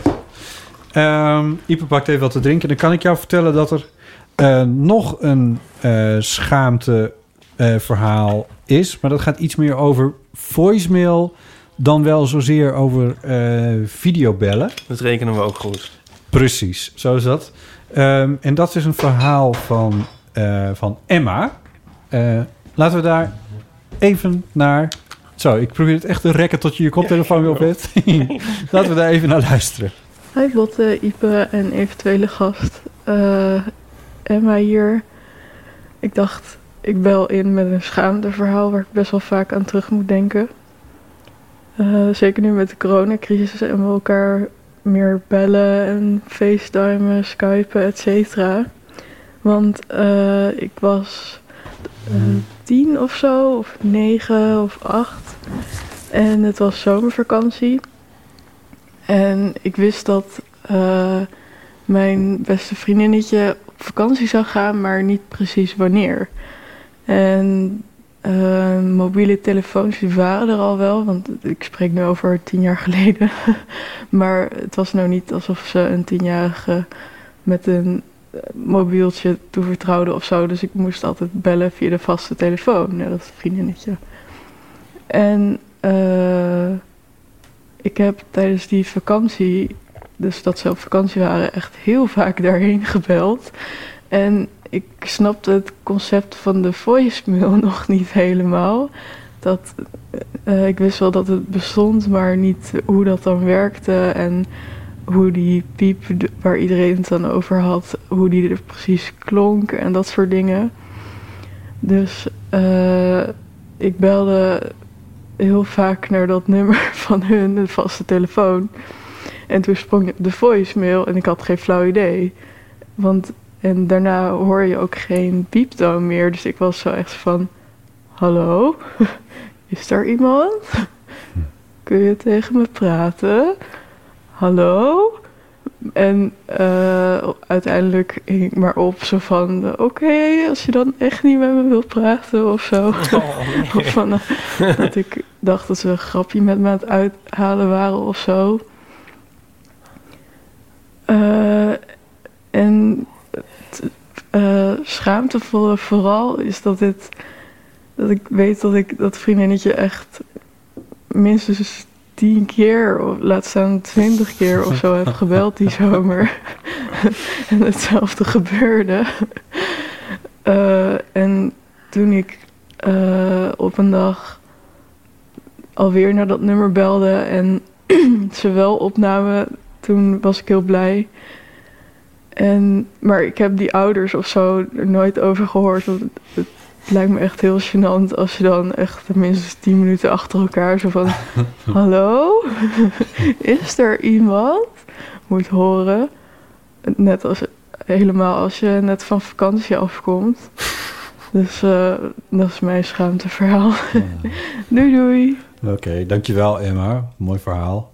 Ehm, Oh, maar wat, maar wat lief. Maar ik bedoel, ik zou echt sterven eigenlijk van liefde als een vriendje of vriendinnetje van mijn zoontje zo insprak. Dat is, bedoel, kijk, als het iemand van 25 was, zou je denken, tikje gênant. Maar als dit toch een kind van een jaar of 8, 9 is, is dat toch te lief voor woorden.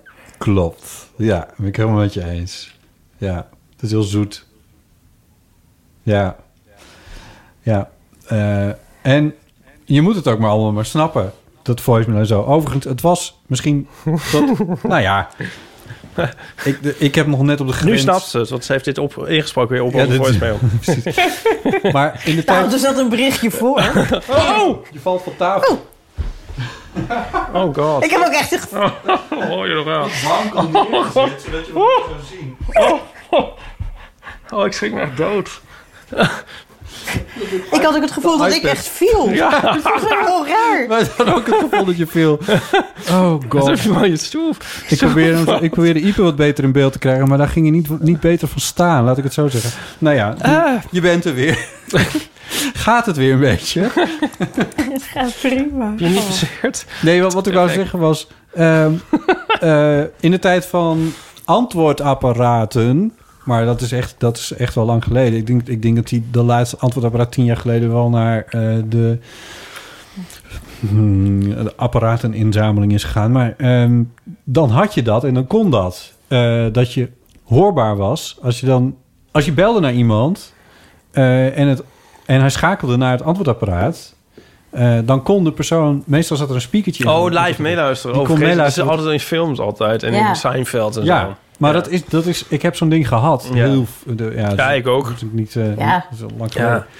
Maar ehm, Ja.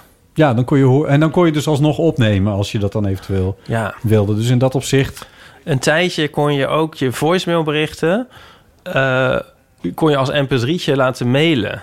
ja, Ja, dat was Ja. fantastisch. Ja, en wij- ik woonde toen nog in een eh, studentenhuis. en de, de- en ehm, met een eh, huisgenoot die anoniem zal blijven. En ik heb dus een paar voicemails van zijn eh, opa, zijn tante en zijn stiefvader. Die ik kreeg, kwamen al, alle voice, je kon maar één adres opgeven. Dus alle voicemails kwamen in mijn, op mijn e-mailadres. Ja, dit is niet zo ethisch misschien. maar die zijn zo grappig. Dat was een vaste lijn die jullie hadden. En Ja, daar, daar werd ja. het vanaf Ja, precies. Ja, ja. ik zou ze eigenlijk willen laten horen, maar dat kan natuurlijk niet. Ja, maar als op een dag als alle betrokkenen dood zijn, dan... dan en, een, een paar vrienden van mij die kennen, dus die kunnen die als een soort sketch uit ons hoofd zeggen, want die zijn echt...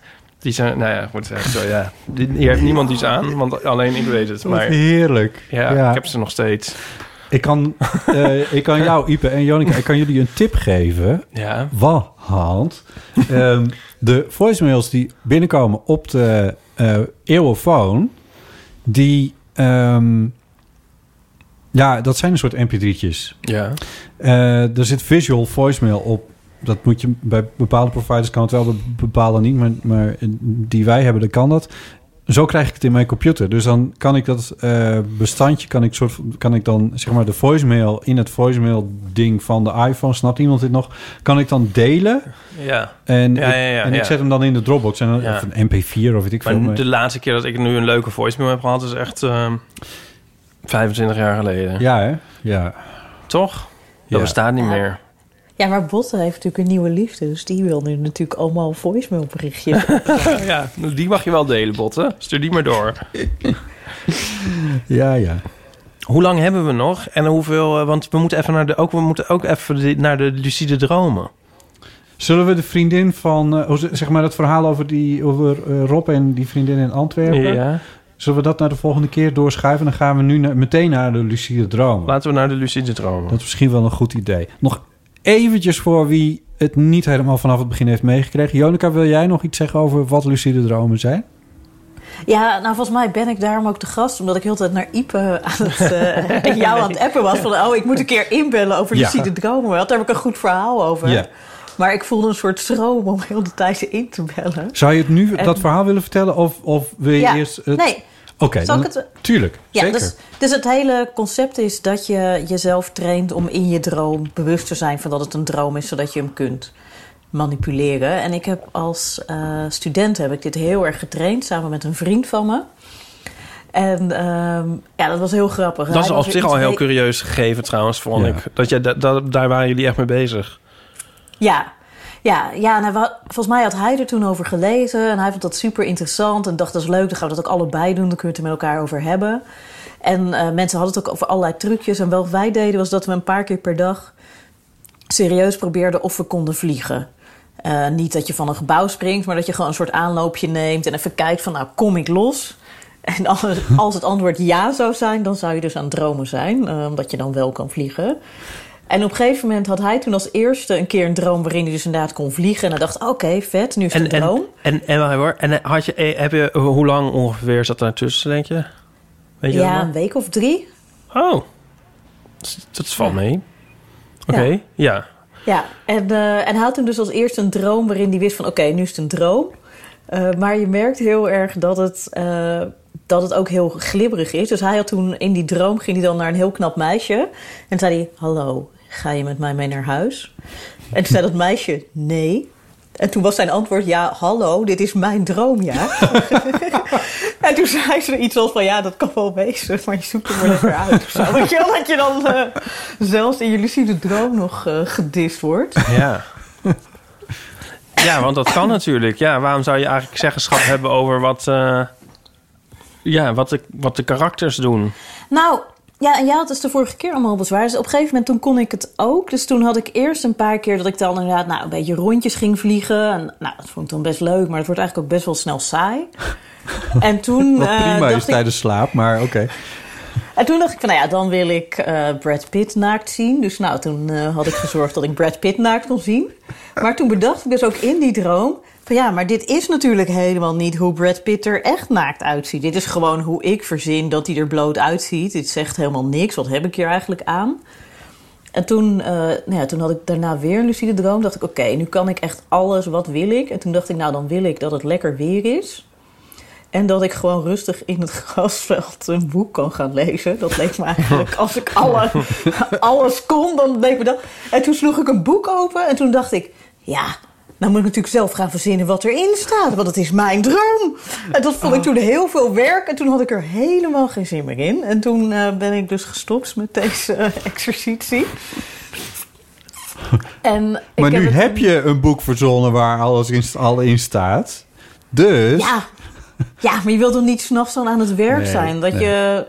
Nee, en ik, ik heb een paar jaar later nog een keer voor de krant een, eh, eh, een soort slaapmasker getest met rode lampjes erin. Dat ging dan in je slaap knipperen. En dan was ook het idee als je dan ergens was en alles werd langzaam rood, eh, dat je dan ook wist dat het een droom was, zodat je dan dingen kon gaan eh, veranderen. En dat zag je ook weer hoe, ehm, hoe slim je onderbewustzijn is. Want toen had ik inderdaad eerst een keer een droom dat ik in een groenteafdeling liep. En toen werd ineens die hele groenteafdeling knalrood. Dus ik dacht, ah, dit zijn de lampjes.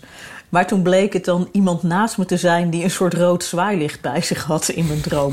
Ik zo, oh nee, nee, dan is het toch niet die bril. Dan is het gewoon echt. Dat, eh, Want is dat, dat vermogen zeg maar weer verdwenen? Of, of doet het zich nog wel eens voor dan?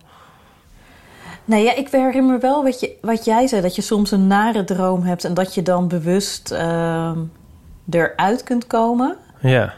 Dat dat, maar ook... Ja, nee, dan moet het ook maar net uitkomen. Nee, dus inmiddels is het weer helemaal, helemaal weg. En ik vond het dus ook minder leuk dan ik had gedacht. Maar misschien als je meer fantasie hebt of zo. Maar ik, ja...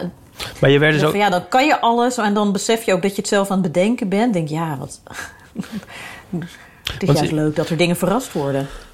En, en met het invullen, zeg maar, het visueel invullen. Want jij, jij ehm, bent ook slecht in gezichten herkennen. Ja, nou wat jij zei, volgens mij droom ik dus ook niet zo heel erg in beelden, Nee. maar meer in gedachten en gevoelens. Dus ik kan me ook, weet je, bijvoorbeeld dat ik dan op een grasveld wilde liggen in het zonnetje. Het is ook niet dat ik dan dat hele grasveld gevisualiseerd Nee. had, meer het gevoel van dat je ergens lekker ligt, omdat je zo'n warm zonnetje op je voelt. Dat, Dat wilde ik heel graag even horen, tijd. dit. Ja. maar en, en Brad Pitt naakt dan? Wat is, hoe, ja, wat is, wat is dat? Ja, dat was dan wel, ja, dat was dan Ja. wel inderdaad visueel, ja. Maar dat was ook wel een soort scène setting, want ik ging hem dan ook terwijl hij aan het douchen was. Ja, ja, ja. Nou, ik, ik denk dus dat, je wel, dat er wel iets visueels aan dromen is ook, hoor. Daar niet van. Alleen, ik, ehm, ik reageer nog even op, op ook... Ik kreeg er ook nog mailtjes en dingen over en zo. Maar alleen gewoon minder gedetailleerd, denk ik, dan mensen denken. Ik heb sinds dit alles ook nog een droom gehad... waarbij ik heel duidelijk me herinner... dat ik een, een soort bouwtekening van de Eiffeltoren zag... En dat, daar ook echt een heel duidelijk een visuele impressie van had. Wil ik maar even zeggen. Leuk, hè? Ja. nee, maar sommige dingen zijn wel... Maar, maar ik bedoel, in wat voor kamer en wie er om je heen staan... en weet ik veel wat allemaal... dat, dat de, voor, heb je volgens mij dan wel een gevoel bij... maar niet een beeld. Ja. Maar ja. Maar ik, mag ik je nog iets over vragen, Jonneke? Ja? Want eh, ik krijg er meteen Superman-ideeën bij natuurlijk. Van oké, dan kun je dus vliegen en al die dingen meer. Maar eh, op een, op een bepaald niveau is het ook een soort superkracht in het echte leven... dat je je dromen kan beïnvloeden. Heb jij dat ook zo ervaren? Als zodanig? Ehm, Dat je meer controle hebt over, over dat hele, die hele gekke wereld... die iedere nacht weer je slaapkamer binnen... of je hoofd binnenstroomt, zeg maar. Dat je daar een bepaalde controle over hebt.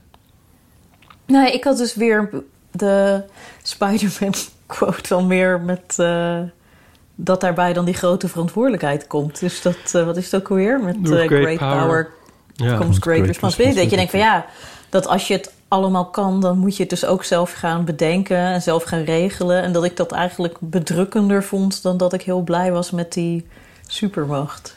Ja. Dus je hebt dat na je studententijd niet meer... Nee, ik, ja, dus ik heb het toen nog een keer gedaan om zo'n brilletje te testen. Om te kijken Ja. of dat nou heel goed werkt en of het nu anders was. En ik moet ook zeggen, ik heb eigenlijk ook niet zoveel... Ik kan me voorstellen dat je dit wel weer gaat doen als je bijvoorbeeld veel nachtmerries hebt of Hmm. nare dromen. Ik kan me voorstellen dat het dan heel, heel fijn is om te Ja. kunnen. Maar ik droom eigenlijk meestal best wel leuk. Ik, heb, ik kom nu in de verleiding over één terugkerende nachtmerrie te vertellen. Maar ik besef wel dat al deze verhalen over dromen volgens mij fucking zijn. Ik heb één terugkerende nachtmerrie, maar die is eigenlijk best grappig. Heb je het nooit verteld aan jou? Misschien wel. Als je, als je, als je nou, zegt- nou ja, het is dus dat ik dan... eh, in mijn droom ben ik dan zoals nu en heb ik twee kinderen. Eh, maar ik weet niet van wie. Oh. En eh, ik heb een soort selectief geheugenverlies. En ik kan dus niet bedenken dat Han bestaat. Waarmee ik dus die kinderen heb en alles. Ja. En dan ga ik dus in die droom zo één voor één al mijn exen na. En dan denk ik, oh mijn god, heb ik kinderen gekregen met hem? Nee, nee, nee, nee, nee, nee, dat kan echt niet. En dan denk ik aan iemand anders. En weet je, in die droom raak ik ook steeds meer in paniek. En dan denk ik, oh god, weet je, en op een gegeven weet je, het wordt ook steeds erger. Dat je dan denkt, ja god, die systeembeheerder, zou ik daar dan kinderen mee hebben gekregen? En dat je echt soort langzaam steeds meer in paniek bent. En dan schrik ik dus altijd wakker. En dan ligt naast me Han. En dan denk ik, Oh, oh ja, dat was best wel een goed idee. Ja. wauw. Maar die heb ik dus eens per, eh, ja, eens per maand of zo al jaren, Echt? deze droom. Ja, het is echt een heel rare terugkerende droom. Maar die is dus eigenlijk in de droom zelf is het altijd paniek. Maar als je wakker wordt is het altijd heel leuk. Omdat je dan denkt, oh ja, het is wel goed gekomen. Ja. Maar heb je dan heb je niet een neiging om dan deze droom te willen gaan beïnvloeden?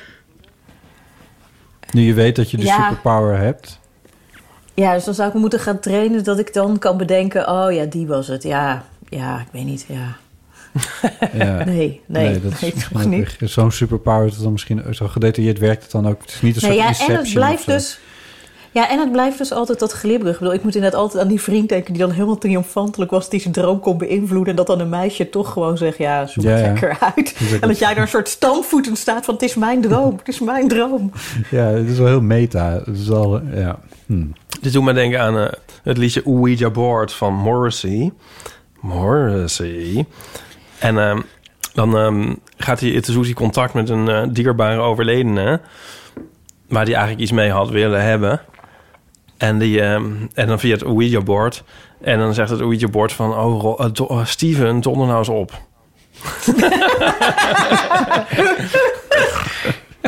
Dat zou ook een goed stripje zijn. Ja, ja. Dat is zo'n leuk liedje is dat. Ja.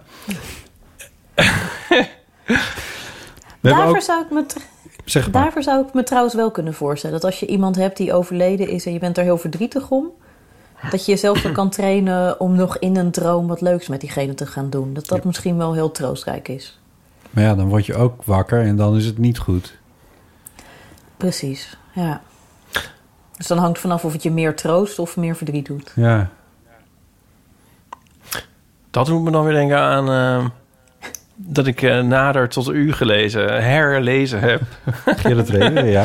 Ja, waar hij de hele tijd lastig gevallen wordt door schimmen uit het verleden. En eh, en, eh, die, die zich aandienen in zijn benevelde toestand. En ehm, dat was, is eigenlijk een soort tip. Ik heb het zo ademloos weer gelezen. En ik heb, ik denk dat ik, het is zeg maar 180 bladzijden of zo. Ik denk Ja. dat ik op elke bladzijde een keer hard op heb moeten lachen. Ja. Ja. Ja. De, de grote volksschrijver eh, had een goed gevoel voor humor. Ja. Ehm, er heeft ook nog iemand... ge- Tenminste, ja, er valt nog veel meer over te zeggen misschien... maar er heeft ook nog iemand gebeld. Is het leuk om dat even tussendoor te doen over lucide dromen? Zeker. Dat is Chabel. Hoi Botte en Ipe, met Chabel. Ik eh, wil jullie bedanken, want door jullie eh, laatste podcastaflevering eh, ging ik naar bed met jullie bespreking over lucide dromen. En heb ik voor het eerst zelf lucide gedroomd. Oh my ik god. ehm, zat in mijn droom en ik stoot ergens tegenaan. En ik dacht, hé, hey, dat doet geen pijn. En toen herinnerde ik me dat ik moest knijpen. En toen dacht ik, yes, ik ben lucide aan het dromen. Nu kan ik alles bedenken. Dus toen heb ik de cure tegen het coronavirus, eh, of voor het coronavirus, eh, uitgevonden. Wat ik hier niet ga delen, want het is eh, in de wakkere wereld niet zo effectief en behoorlijk politiek incorrect.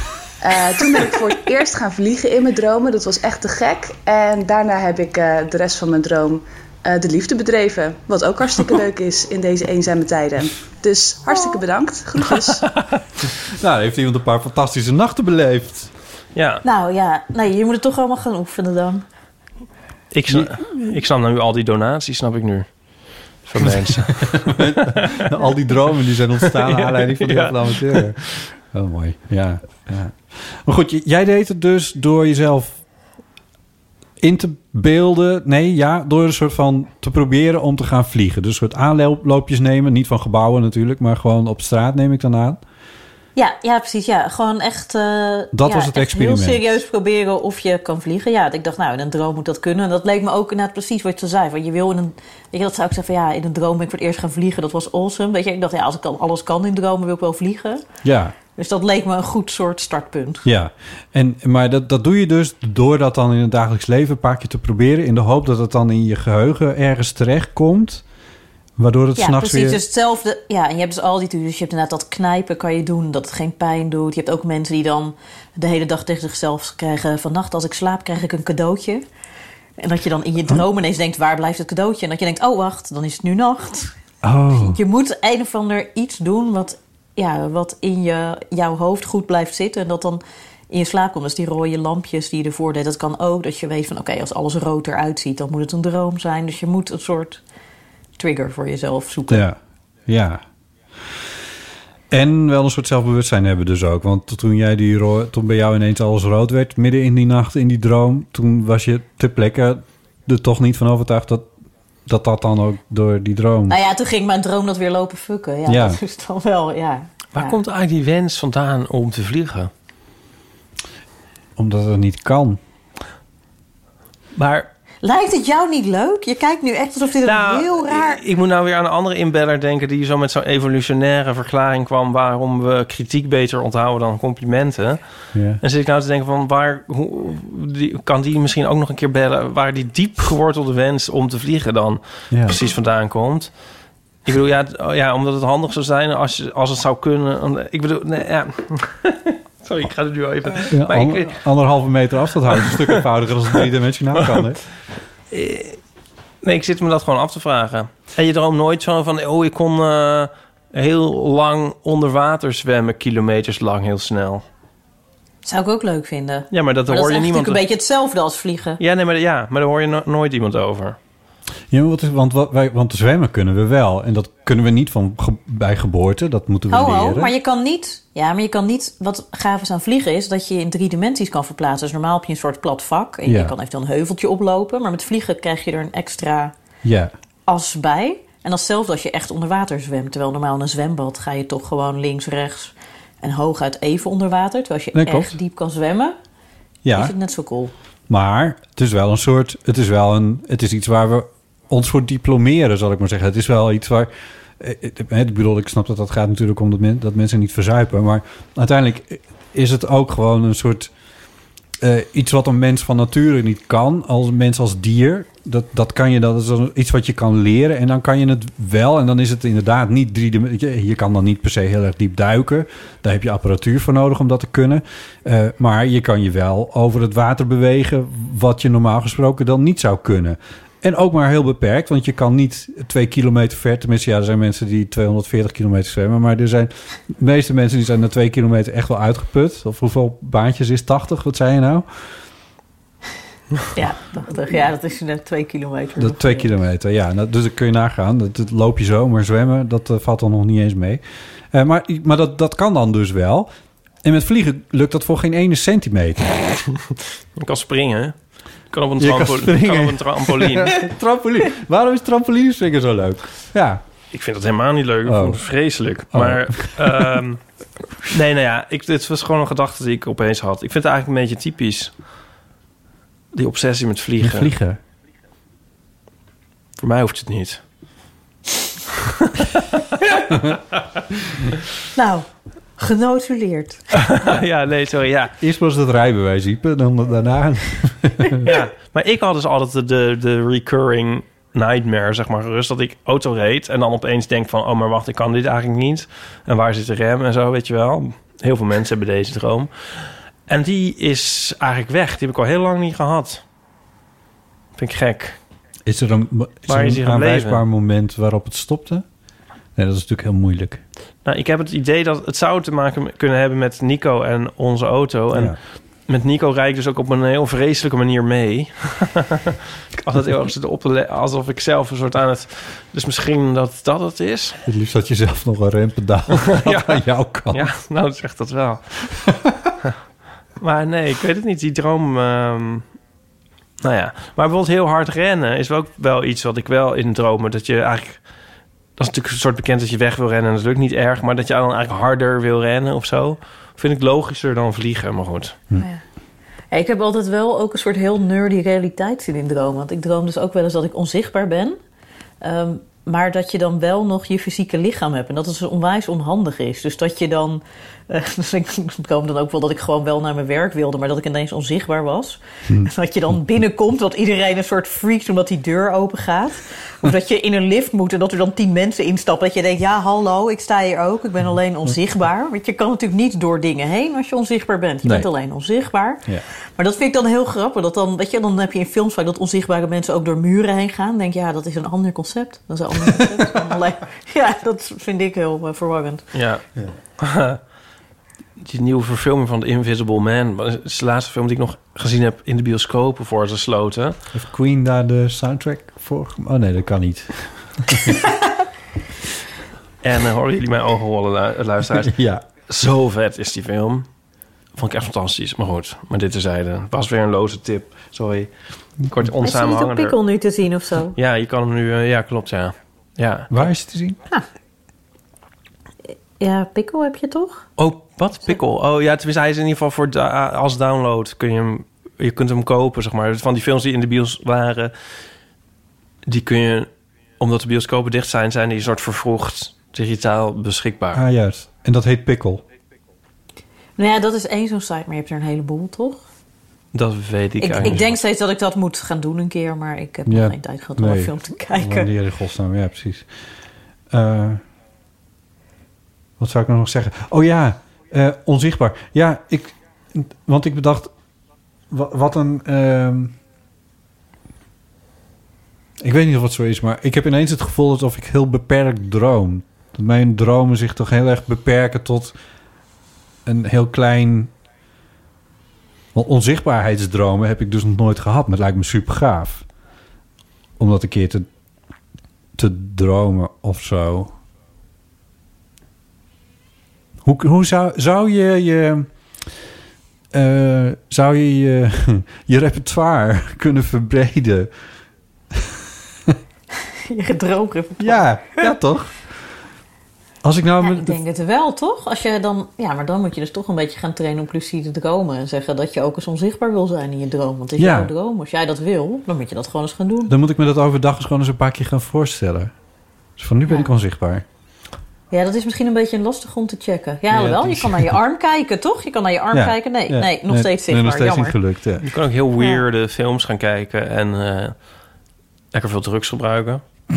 Oh ja, de drugs. Ja, ik denk dat het dus beter is door. eh, denk niet dat het beter is door lezen. Want ik denk, omdat je ook zegt dat dromen misschien niet per se zo visueel zijn als in films. Ja. Dus misschien is het wel Ja. beter om juist heel erg te lezen over Dus een onzichtbare man. Zou ik nu over het Ja. interbellum moeten gaan dromen... en over een enge mannen in München... die, eh die een nationaal bierkelders. socialistische partij proberen op te richten... in bierkelders van München, inderdaad, ja.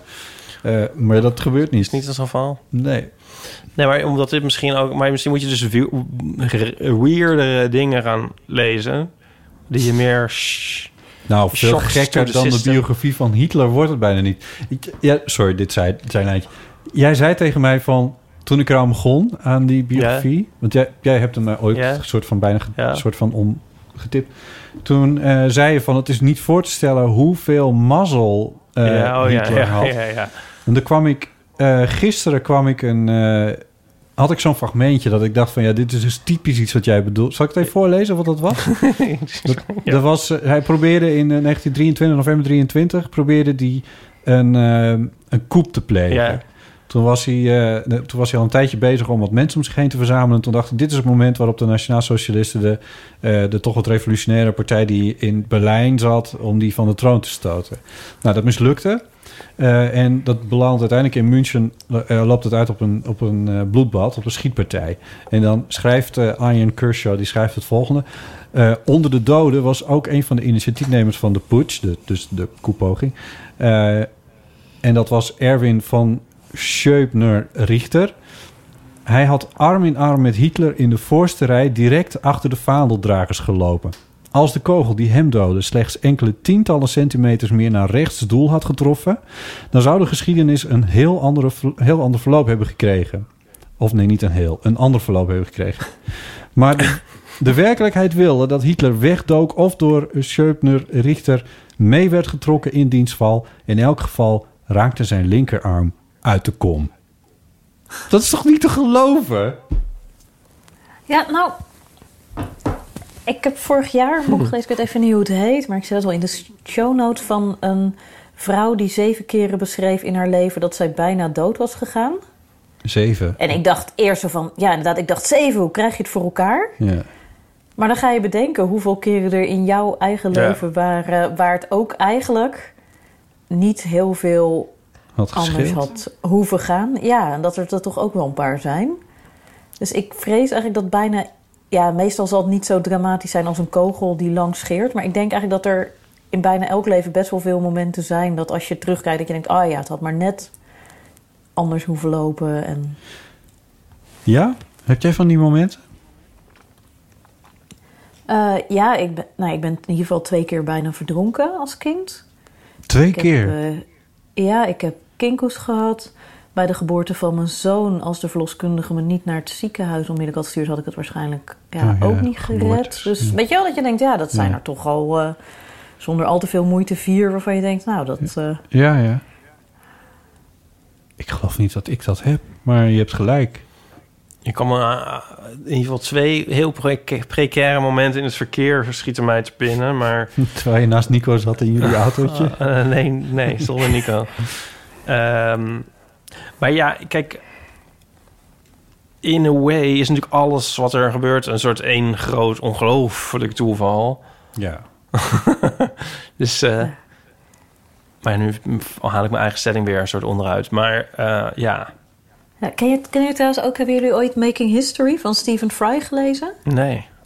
Ken je- oh, dat is echt fantastisch. Dat gaat ehm, over mensen die dus een tijdmachine bouwen. Het is lang geleden dat ik het heb gelezen. Ik hoop Is dat het een goed, roman? Het is een roman, ja. Oh, en het gaat dus over mensen die willen dan voorkomen dat Hitler geboren wordt. Ja. Maar ze willen hem niet vermoorden, want ze willen zelf niet doden. Dus wat ze dan doen, dan gaan ze terug in de tijd... en dan zorgen ze dat zijn vader onvruchtbaar wordt... zodat hij niet eens geboren kan worden. Ehm, en dan Alois. komen ze dus in... Ja, Alois Hitler, ja. Ik weet het ja. niet. Maar dan komen ze dus daarna dus in dan hun tegenwoordige tijd... als Hitler niet geleefd zou hebben. En dan, eh, spoiler...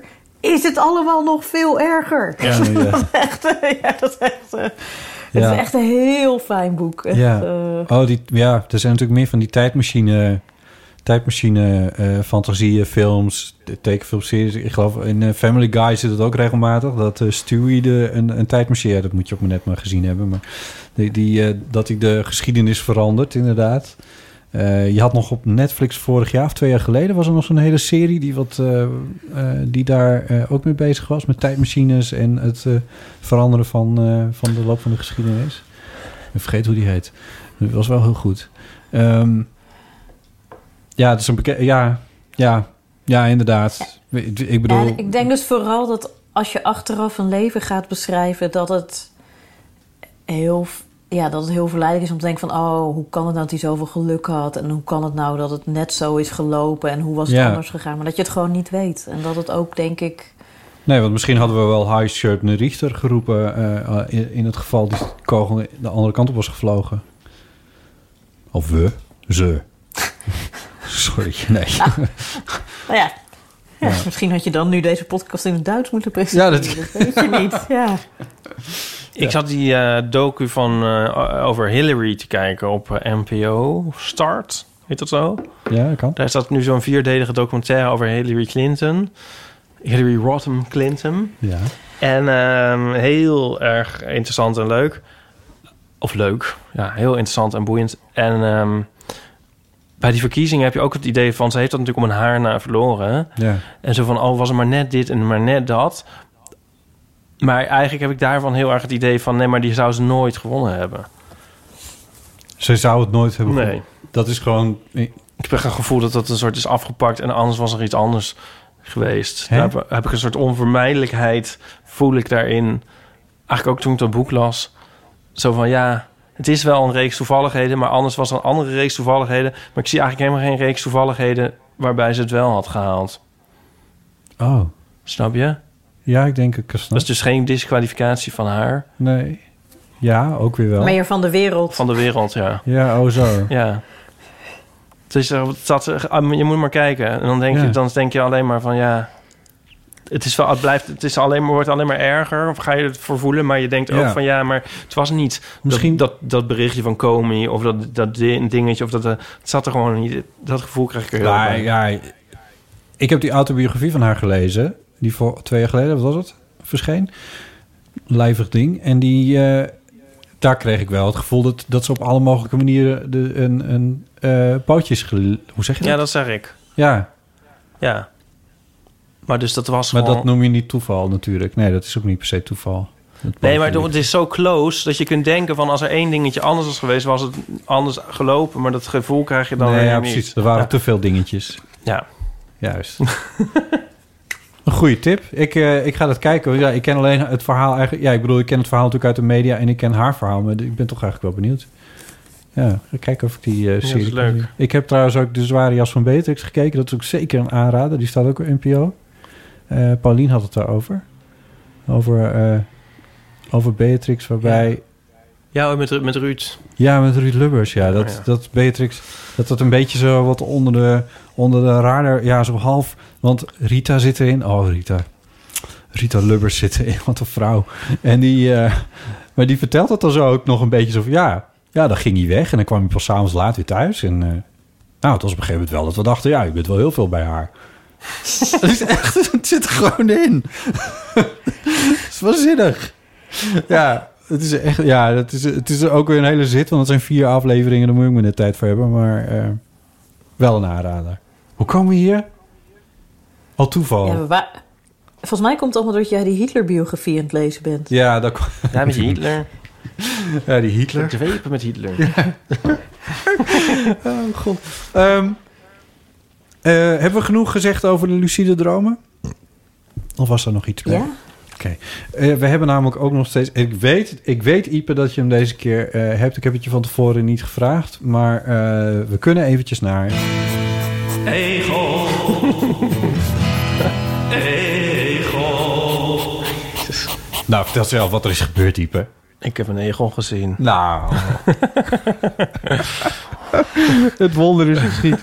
Het wonder is geschied. Nou, ik had vorig jaar dus op vakantie in Duitsland ook egels Ja, gezien. die kennen we al. Ja. En, maar nu zag ik hem in... eh, vlak bij mijn huis. Ik Nou. ging een frisse neus halen, zoals minister Grapperhaus dat noemt.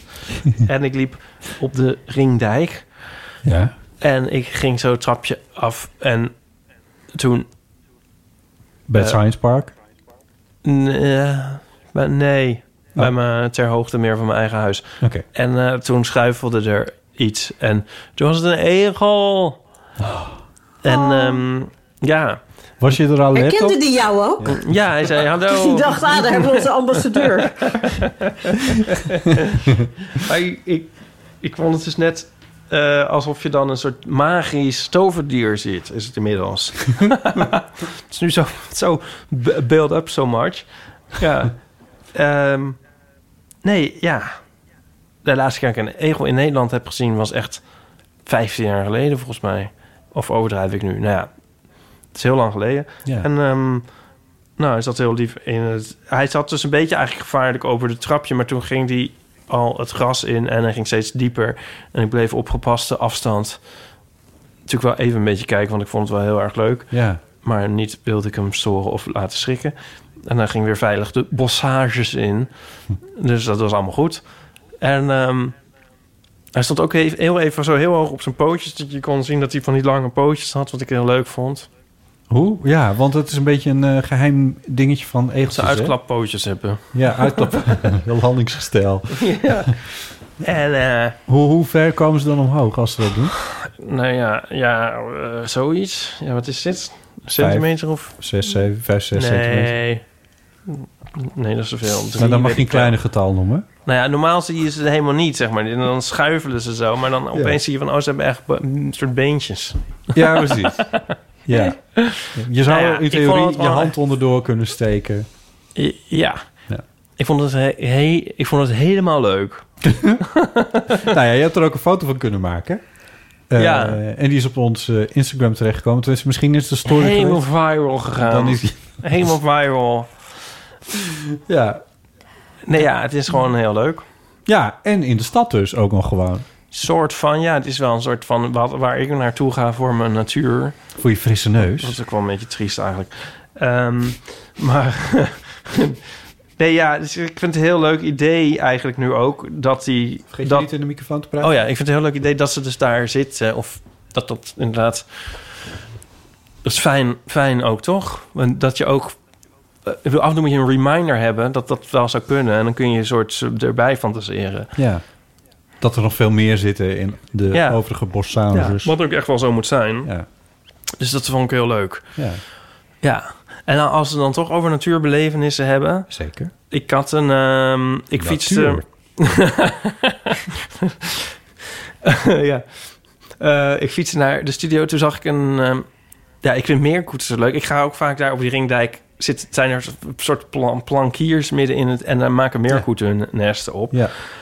En dat vind ik heel leuk. Maar nu fiets ik ehm, ja, daar zo bij Linda, zo bij de, in de buurt, bij de, hoe heet het daar? Marnixstraat. Laudiusgracht. En daar waren meerkoeten een nest aan het maken in de gracht, maar dan met zo allemaal afval erin. Ja. Ja, oh, daar zag ik ook de foto van. Ja. Ja, maar ik heb nu betere foto's. Want ik was er eerst zo met mijn iPhone. Ik dacht, ik maak er wat foto's van. Zo ontroerend is dat. En ehm, De nestje, wat ze dan maken. ja, en dan met rietjes en dingen Ja, en zo. En toen ben ik de volgende dag, dacht ik, ik ga even met een goede camera. En botte stelen lens. Dus ik heb er heel mooie foto's van gemaakt. En was er ook alweer veel meer troep bijgekomen. En toen heb ik, eh, weet ik veel, de dag daarna weer... ben ik nog een keer gegaan met Nico om er een stripje mee te maken. En toen lag er nog meer troep. Eh, oh, toen zat voor de foto echt heel goed een, een, een rol van een, een, Nike-schoen in. maar die dieren, ja... Nico vindt het heel triest. Ik vind het dus een soort... Ja. Ik bedoel, het is wel heel triest dat ze in die troep zitten. Maar ze maken er wel een soort het beste van. Ja, het, is heel, ja, het is heel knap en lief van die meerkoeten, maar het is natuurlijk heel tragisch Ja. dat het moet. En Dat die ook. Florian, die ken je ook, die heeft ook onderzoek ernaar Ja. gedaan hoeveel plastic in die nesten zit. En het- ja, het is gewoon echt niet goed. Nee. Eh, ja, je kan, ik, ik heb dus, ja, je ziet, ja, je kunt het gewoon, en je ziet het ook aangroeien. En toen zag ik er daarna nog, nog zo'n nest in een gracht verder. Eh, daar was een eh, meerkoet zitten. Hij heeft daar een hele, zo'n blauwe Ikea-tas helemaal volgepropt. En zit daar op een Ikea-tas. ja. En het is Oh. ook, het is, het is, ah, Mensen, ruimt nog je troep op. ja, maar het is...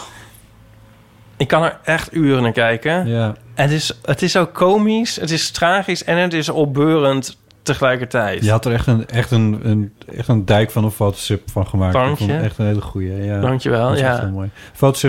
Mensen, welke datum? Nou, die moet eerst nog zaterdag volgende week. Die moet eerst oh, nog. ja, je had hem geappt. Ja, hij moet ook, eerst ja. het parool nog en dan komt hij nog op mijn site. Ja, heel goed. Ja, ik was, daar ben ik ook eerlijk gezegd wel mee in mijn nopjes. Maar ik vond het een genot om naar die, naar die meerkoetjes te kijken. Wat goed. Je hebt e- even oog voor de natuur gekregen ineens. Ja, maar alleen maar de lieve dieren. Ja.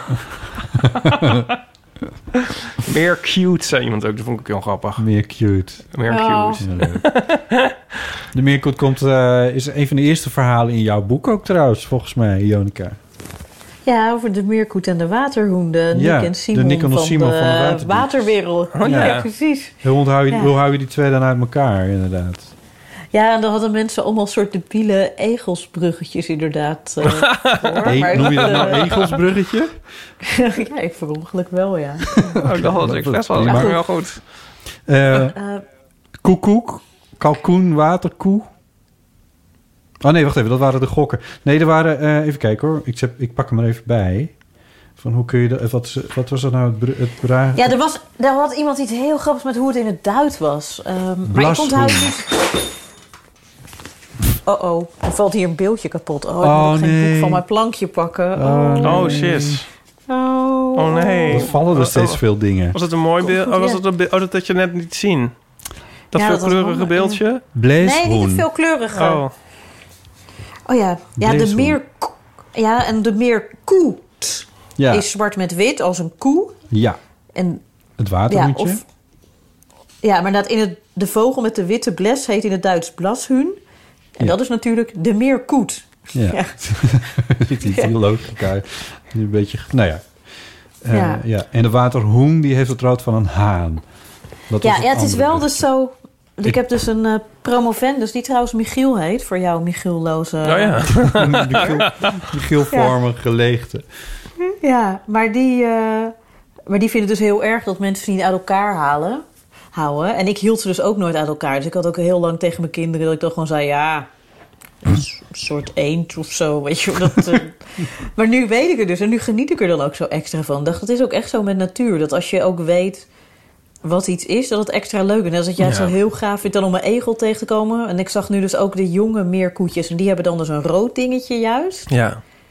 En dat is ook heel leuk als je dat eenmaal weet. Van, oh, Ja. wat grappig. Die kleintjes hebben... Ja, nee, Mag, zal ik er nog een klein feitje aan toevoegen voor je? Dit heb ik Ja. al een keer in de eeuw gezegd, maar in het Fries heet een meerkoet een merkel. Oh, ja. Oh, wat goed. Ja. Ik heb het als kind geleerd van... eh dat is ook het enige dat blijft hangen van meerkoet. Daar zit gewoon die klank van wit in. En die andere is dan de Oeh. waterhoen.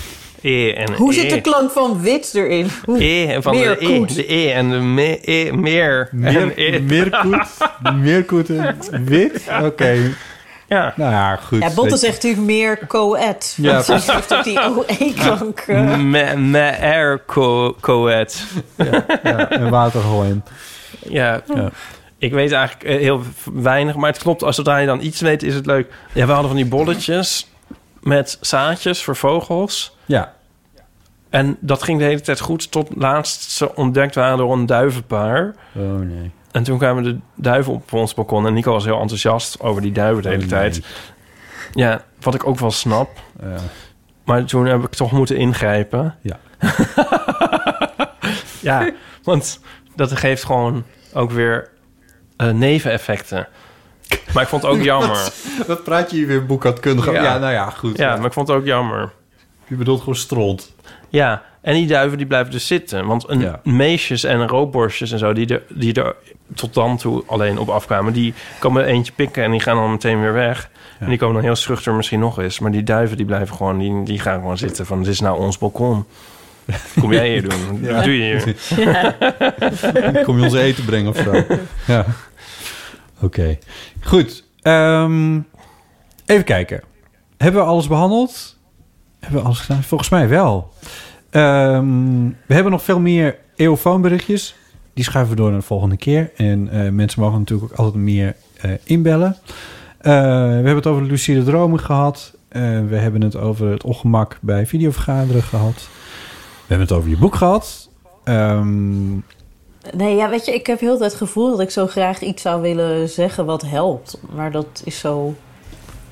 Ik wou het net vragen. Ik denk... Kun Ja, jij ons even uit... zeggen. eh, Kun jij ons leed even verzachten? Nee, ja.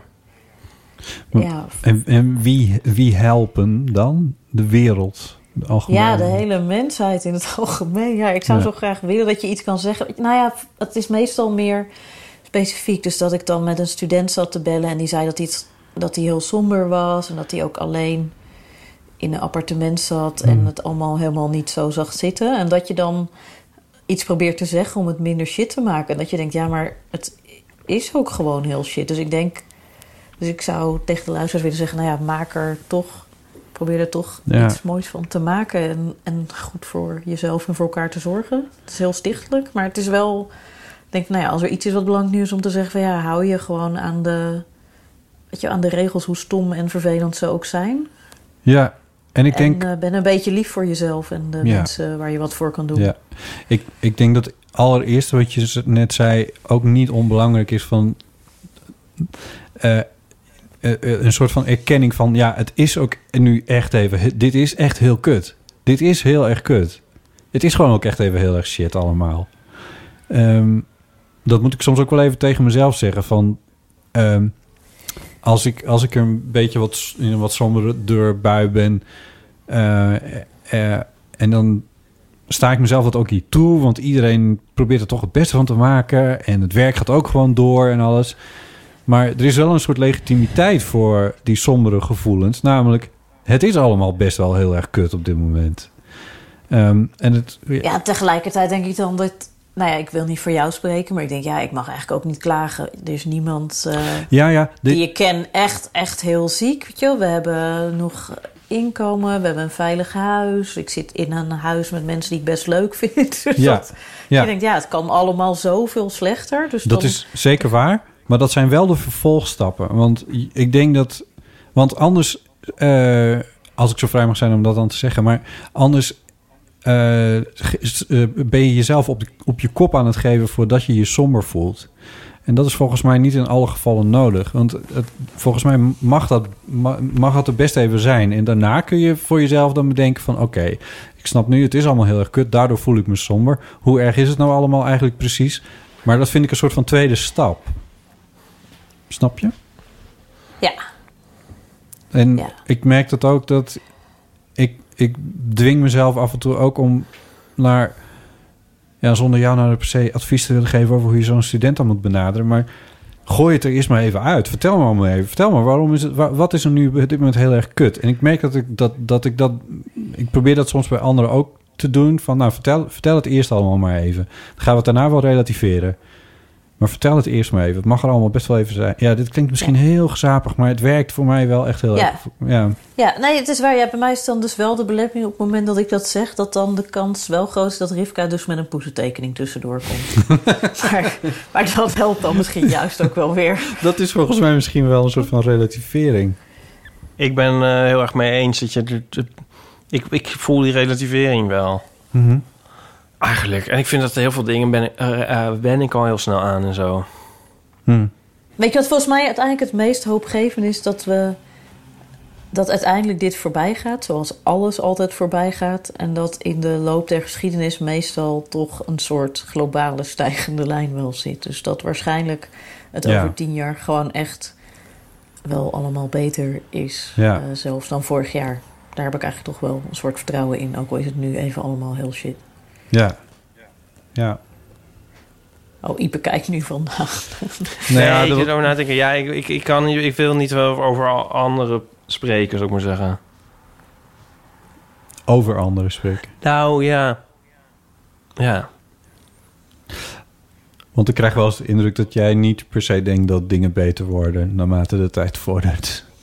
Nou, daar hou ik me nu niet zo erg mee bezig. Nee.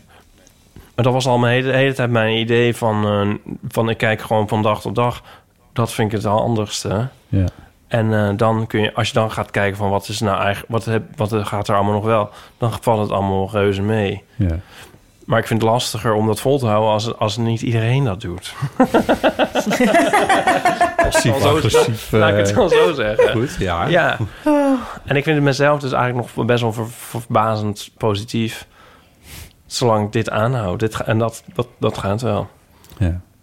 Ik vind het niet nodig om er... Oh, ja, je moet, er niet al, je moet er ook niet te veel in zwelgen. Ik bedoel, er zijn heus wel momenten dat het even niet werkt. Maar je hoeft je ook niet op te gaan zoeken. Nee. Nou, en misschien is wel het belangrijkste om je te houden bij de dingen waar je iets aan kan doen. Weet je, wel, je kan er ook weinig aan doen met hoe het over jaren Nee. gaat. Weet je? je kan er wel iets van doen door vandaag zo goed mogelijk te maken. Ja. En door iets te doen voor de mensen waarvoor je iets kunt doen. Ja. Bijvoorbeeld door mooie stukken in de Volkskrant te schrijven... of een boek met zeven tips over hoe je nou eigenlijk met statistiek moet omgaan. Dus in Ja, deze tijden ook niet onverstandig om dat een beetje te inschatten van, van grootheden. Een beetje dat soort dingen. Nou, daar hebben best wel mensen wat, wat moeite mee op dit moment, zullen we maar zeggen. Ja, ja, ja, de belangrijkste tip op dat gebied zijn om het vooral niet te doen. Omdat je gewoon ziet dat mensen ja, helemaal gek worden van alle getallen die rondgaan. En de ene denkfout na de ander maken. Dus, Ja. eh, Dat zal voor jou ook niet eenvoudig zijn om dat te lezen. Nou ja, dat lees ik dus zo min mogelijk. Want dan word ik heel, eh ja, heel chagrijnig van. Ja. En dat je in de eeuw van de amateur even zomaar komt opdraven. Dat is natuurlijk ook iets wat de mensen helpt. Denk Nou, ik. ja, als dat niet helpt, ja. Dat je helpt. Helpt niks. Nou, dit was eigenlijk meer voor mijn eigen lot. Ik zit altijd te zeggen dat ik een keer met Ipe zou willen bellen voor de gezelligheid. Maar dat komt er dan nooit van. Maar als het dan in de eeuw is, dan spreek ik hem toch weer eens. Maar alles wat wij doen is... eh, wij hebben een, helemaal een utilistische vriendschap, toch? Ja, precies. De utilistische vriendschap. Oké, mooi. Goed. eh, dilemma's, levenskwesties, verhalen zijn allemaal welkom op de Eeuwfoon. Ook nog eh, nieuwe, eh, nieuwe eh, schaamtevolle of ongemakkelijkheden die met videobellen en al, alles wat in deze tijd verder voor ongemak veroorzaakt, horen we natuurlijk heel erg graag, vinden we heel leuk. Mensen die lucide kunnen dromen. Ik ben nog niet helemaal uitgekeken op dat onderwerp volgens mij. Ik zou er best wel wat meer over willen weten. Mensen die dat is gelukt, zoals dan per se moet. Natuurlijk heel erg grappig. Dat kun je dan inspreken op de Eeuwfoon. En dat is, het telefoonnummer daarvan is 06 19, 90. 68. 71. Heel goed, kijk. Ehm, dat is natuurlijk hartstikke mooi. En dan hebben we nog een mailadres. Dat is bot.eeuwvanamateur.nl Of je kan ook mailen naar ipe.eeuwvanamateur.nl Onze website is dus eeuwvanamateur.nl En op Instagram heten we ook eeuwvanamateur.nl Vond je deze aflevering leuk? Deel hem dan met vrienden, familie of collega's. Of houd stiekem voor jezelf en zeg niks. Nee, maar een beetje... Als een geheim dat je koestert. Een beetje zo aan nieuwe mensen naar de eeuw. Dan moet je met je zo. geheimzinnig doen. En dan denken mensen van, wat, wat is er toch met hem of haar? Wat zit je de hele tijd te gniffelen daar in het openbaar? Oh nee, het zit niet meer in het zeg openbaar zeg het niet. Nee, zeg nou, zeg nou. Nee, ik zeg het niet. Ja, please, please, please. Oké, oké. Het is roze. Het is roze met gele letters. Een Doe Maar LP. I, is die ro- roze met groen? Oh, en gele letters. Toch, of niet? Spunk? Skunk? Dit eh, wordt tot de bodem uitgezocht allemaal. Dank, Ipe Driessen Eh, ja, ja, yo. en Jonica Smeets. Dankjewel. Graag gedaan. Dag allemaal. Tot de volgende keer. Doei!